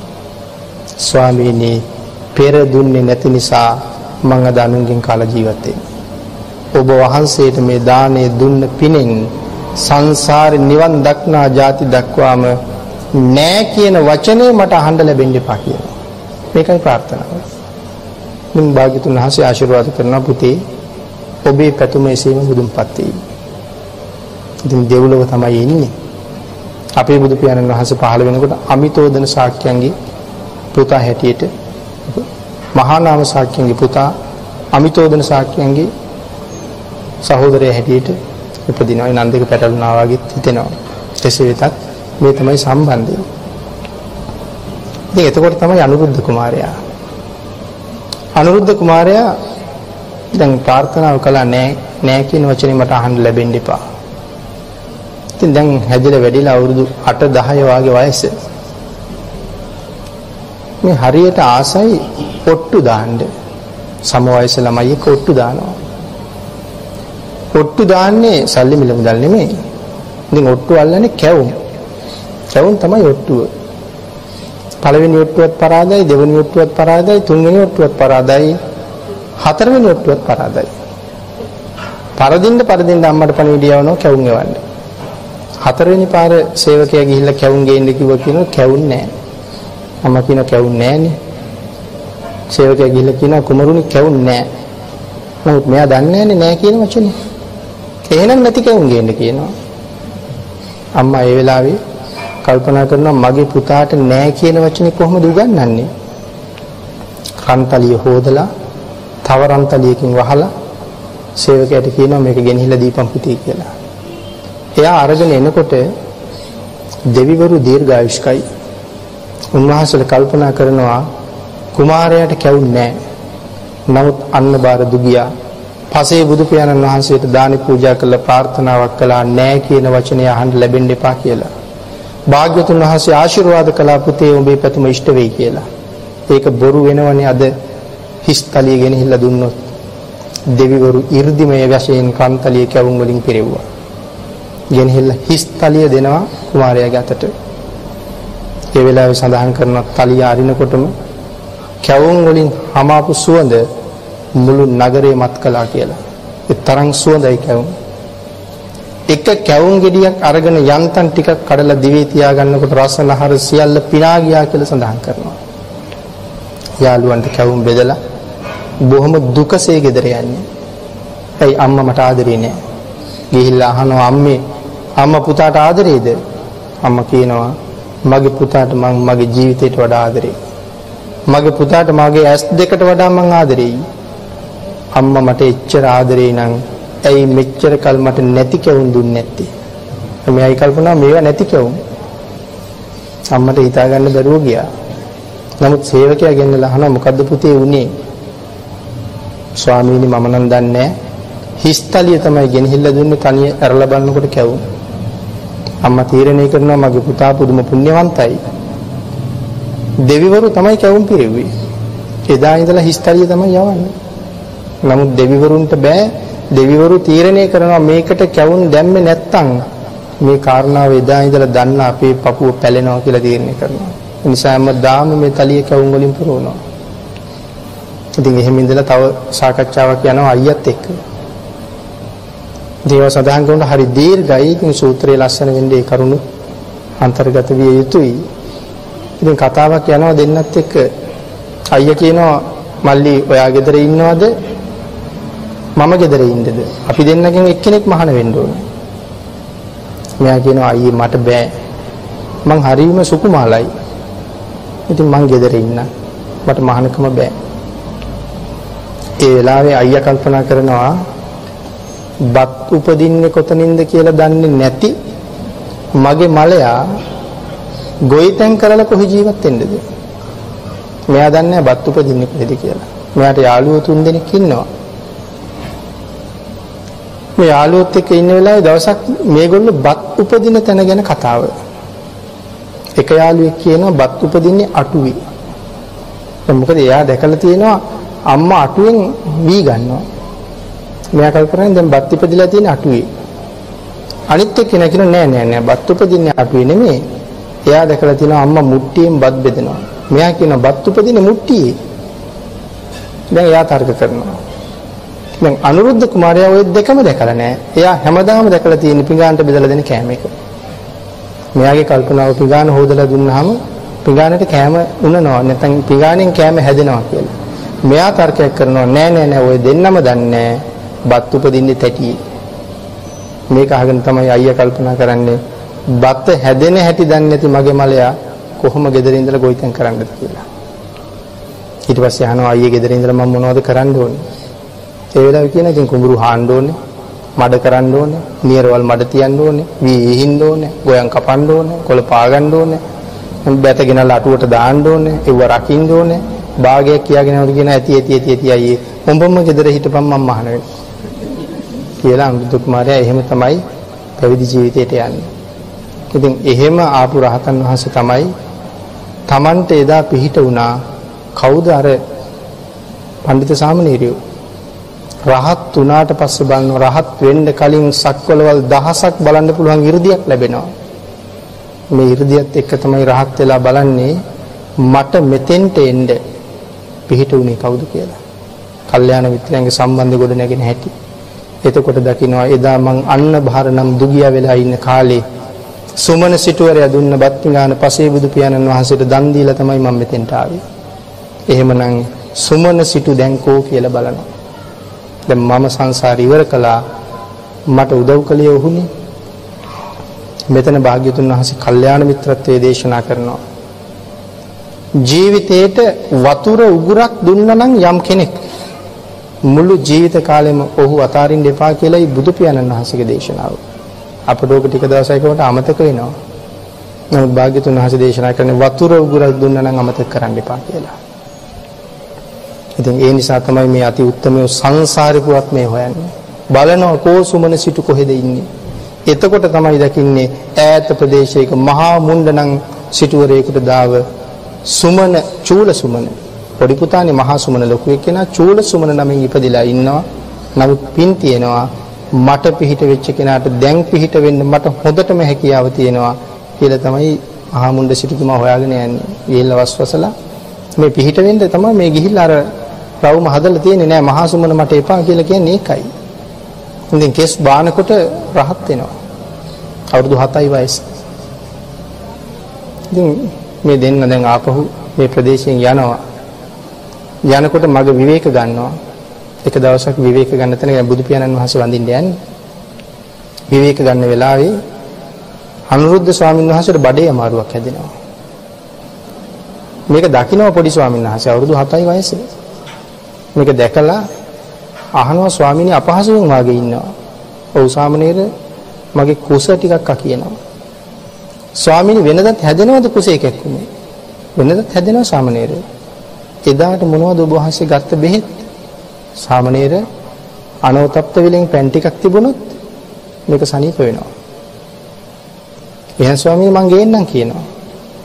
පුළුවන් නම් අරන් එන්න කියලා කියනවා. රහත් වෙලා ඉන්නේ අවුරුදු 7න්.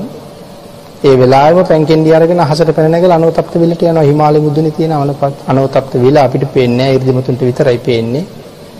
අනෝතප්ත විලගාවට අහසින් එනකොට මේ අනවතප්ත විලගාව ඉන්නවා නාගලෝකෙන් එන නාගරාජවරු.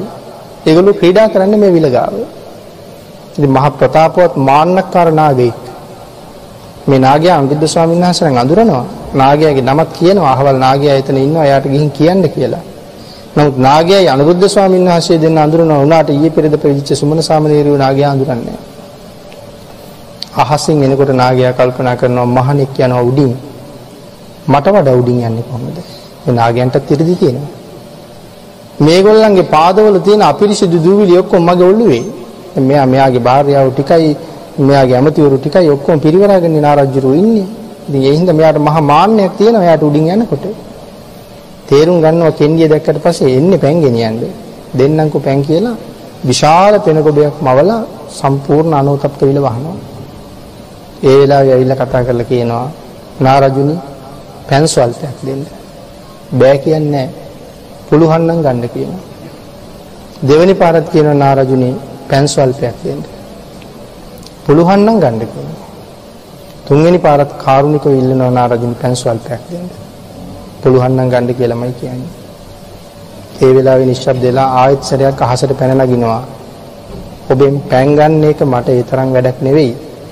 ඒ වුණාට මේක නිකම්ම පැන් අරන් ගියොත් මගේ වටිනාකම නැති වෙනවා. සඳහන් කරනවා ඇහි පිය ගහන වේගෙන් සියලුම දිව්‍ය ලෝක වලට සහ බ්‍රහ්ම ලෝක වලට යනවා.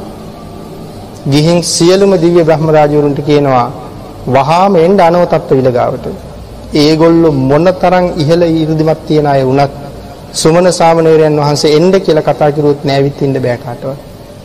මේ සියලුම දිව්‍ය ලෝකවල දෙවිවරු සහ සියලුම දෙනා එළියට බහලා එනවා අනවතප්ප විලගාට දැන් මුළු අහසම දෙවියන්ගෙන් වැහිලා.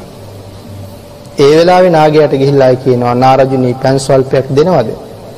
පුළුවන් නම් ගන්න කියලා ආයෙත් තුන් පාරක්ම කියනවා. මේ වෙලාවේ මවා ගන්නවා බ්‍රහ්ම කයක්. ඉතින් බ්‍රහ්ම කයක් මවනවා කියලා කියන්නේ බ්‍රහ්මෙක් අති විශාලයි. සක්දෙවි රජුරුවත් සතපුම් 48ක් උසයි නම් සඳහන් කරනවා බ්‍රහ්ම රාජයේ එදා තිබිච්ච ගන් තුනක් හතරක් විතර පළලයි කියලා. බ්‍රහ්ම රාජයේ සැබෑ ස්වභාවයෙන් බැහැගත්තොත් ගන් තුන හතරක් යට වෙනවා එයාගේ ශරීරයට. තරම් විශාලයි. ඉතින් ඒක සඳහන් කරනවා ගන් තුන හතරක් ලොකුයි කියලා. මගධේ වගේ ගම්.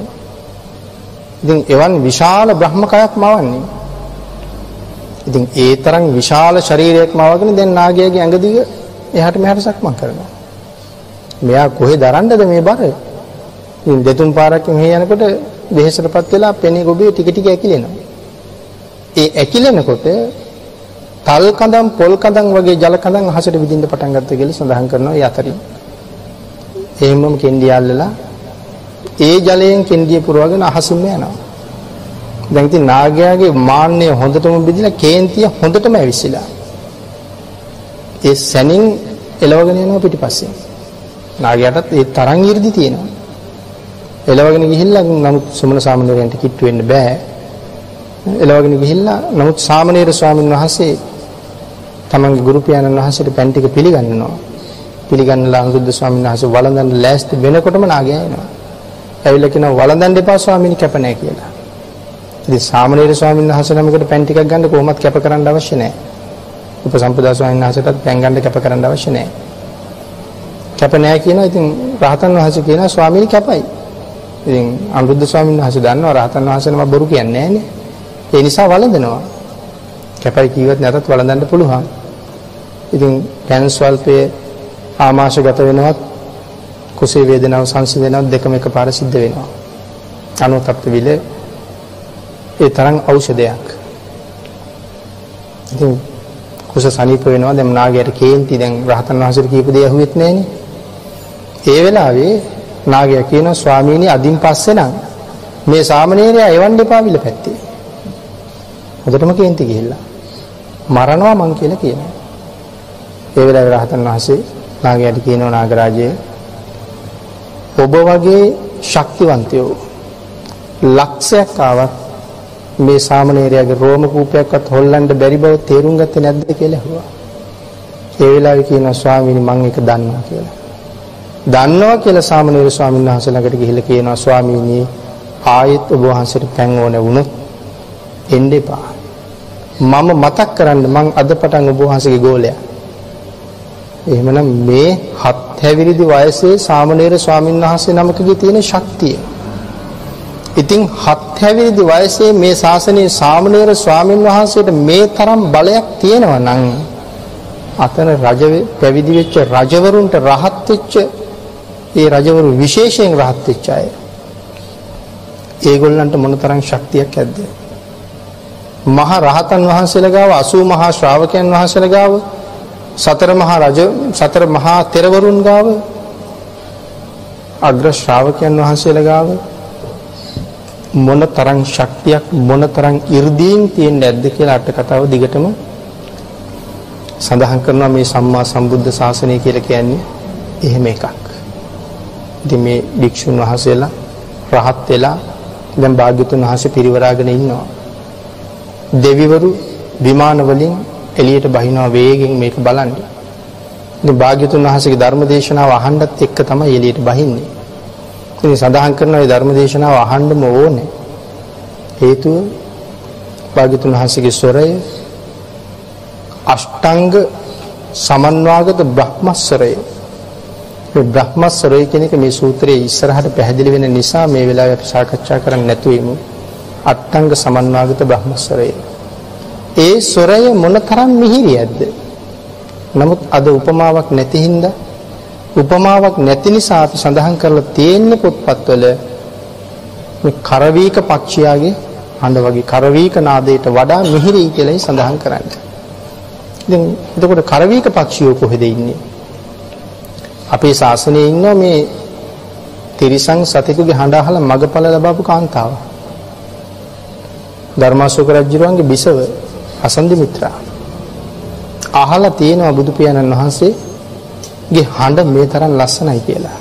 නමුත් උපමාව කරවීක පක්ෂයන්නේ රජුරවන්ට කියනවා රජතුමනි මට කරවීක පක්ෂියෙකුගේ හඬ අහන්න ඕනේ. මෙයා හිමාලය විතරයි ඉන්නේ. පුංචි කුරුල්ලෙක්. අල්ලන්න බෑ. නමුත් මට මෙයාගේ හඬ අහන්න ඕනේ. ඉතින් රජුරෝ කොහොමත් බිසවගේ ඉල්ලීම අතහරින්නේ නැහැ. මෙතන වෙනම කතා කරන්න ඕනේ ධර්මාශෝක රජුරෝ කියන්නේ කවුද කියලා. නමුත් අපි ඒක සාකච්ඡා කරන්නේ නැතුව ඉමු. ඒ තරම් පුදුම බලයක් 이르දියක් තියෙනවා. 이르දි කියලා කියන්නේ ශක්තිමත් ආඥාවක් තියෙනවා. ධර්මාශෝක රජුරවන්ට. තමා ඉදිරියෙන් ඇවිද යන තිරිසන් සතෙකුට ඔතන නවතින්න කීවොත් රජුරෝ ආය යන්න කියන එක යන්න බෑ. තරම් ආඥාවක්. ඒ නිසා කිරිල්ලියක් ඕන නිසා රත්තරන් කූඩුවක් හදලා තමන්ගේ ආඥාවෙන් කූඩුව හිමාලයට යවනවා කියලා සඳහන් කරන්නේ. කූඩුව ගිහිල්ලා කෙලින්ම නතර වෙන්නේ කිරිල්ලියක් ගාව. මේ කුරවි කෙවිල්ල බලනවා මේ කූඩුව මංගාවට ආවේ කොහොමද? එයාට දැනෙනවා රටේ රජුරුවන්ගේ ආඥාව බව. ඉතින් කිරිල්ලිට ඉගිල්ලිලා ගියා නම් රජුරු ආපහු කිරිල්ලි හොයන්න යන්න නෙවෙයිනේ. නමුත් එහෙම ඉගිල්ලෙන්න බෑ ධර්මාශෝක රජුරුවන්ගේ ආඥාව ගාව. ඒ නිසා කිරිල්ලිට අකමැත්තෙන් නමුත් කූඩුවට යන්න සිද්ධ වෙනවා. මේ කිරිල්ලි කූඩුවට යනකොට කූඩුව ආපහු මාලිගාවට ගෙනියනවා. හැබැයි මෙයා ඉන්නේ තරහෙන්. කිරිල්ලි ඉන්නේ. ඒ නිසා මෙයා නිදි. කන්නෙත් නෑ බොන්නෙත් නෑ නිදි. ඉතින් රජුරවන්ටත් හරි ප්‍රශ්නේ දැන් ආයෙ කෙනෙක් හොයන්නත් බෑ. කුරුළු විශේෂඥයෝ ගෙන්නෙව්වා. ගෙන්නවල ඇහුව කොහොමද මේ කුරුල්ලා කෑ ගස්සන්නේ? මෙයා නැගිටින්නේ නෑනේ මෙහෙම හිටියොත් මැරෙයි.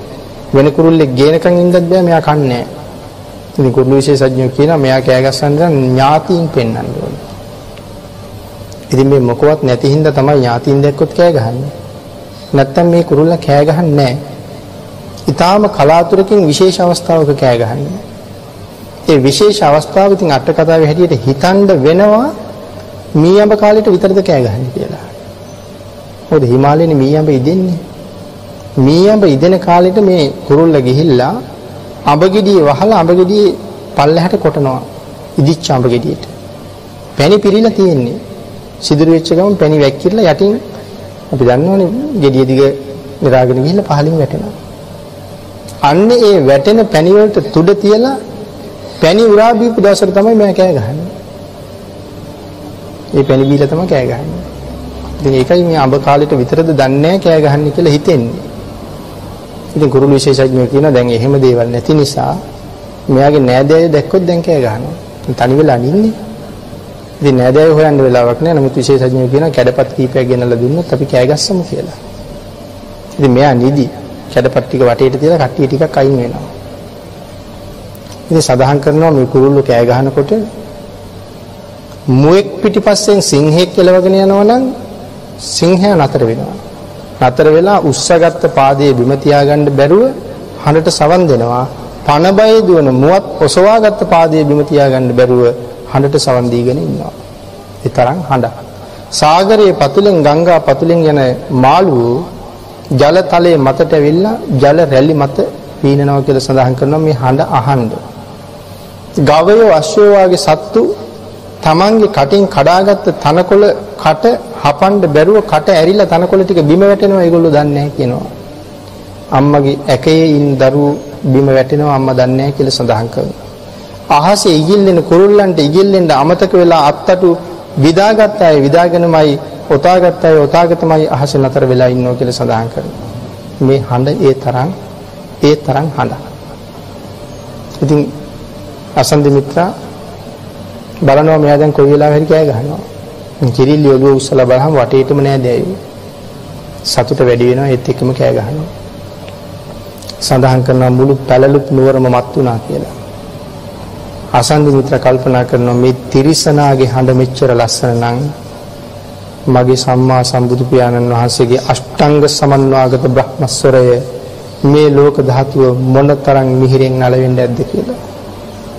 ඒ ප්‍රීතිය හදවතේ වැඩෙනවත් එක්කම අසන්දි මිත්‍ර මගපල් ලබනවා.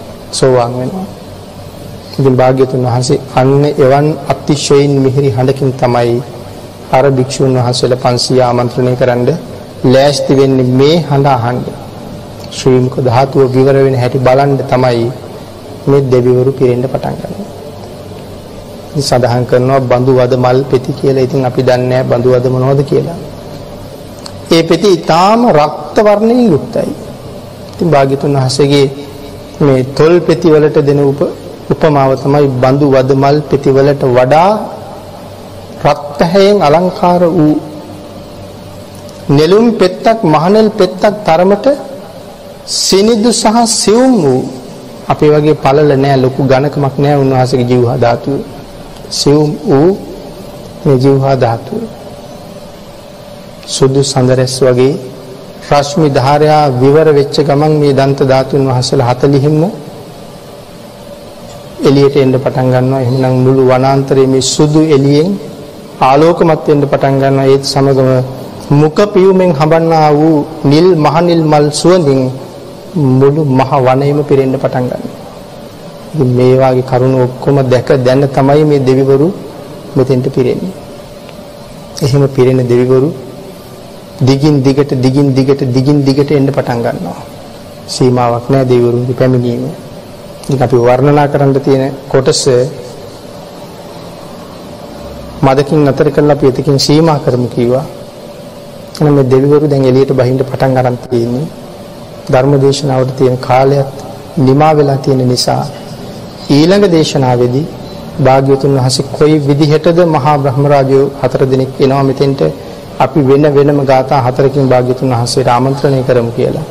ඒ ගාථා හතරෙන් ආමන්ත්‍රණය කරන තැන ඉඳලා ඊළඟ දේශනාවේදී අපි දේශනාව ආරම්භ කරන්න කල්පනා කරමින් මේ තරම් ආශ්චර්යමත් වූ තථාගතයන් වහන්සේගේ මේ අති උතුම් සූත්‍ර දේශනාවේ නිදහණය සහ ඊට සම්බන්ධ ධර්ම සාගරයක්සේ පිරෙන තථාගතයන් වහන්සේගේ එක ධර්ම දේශනාවක්.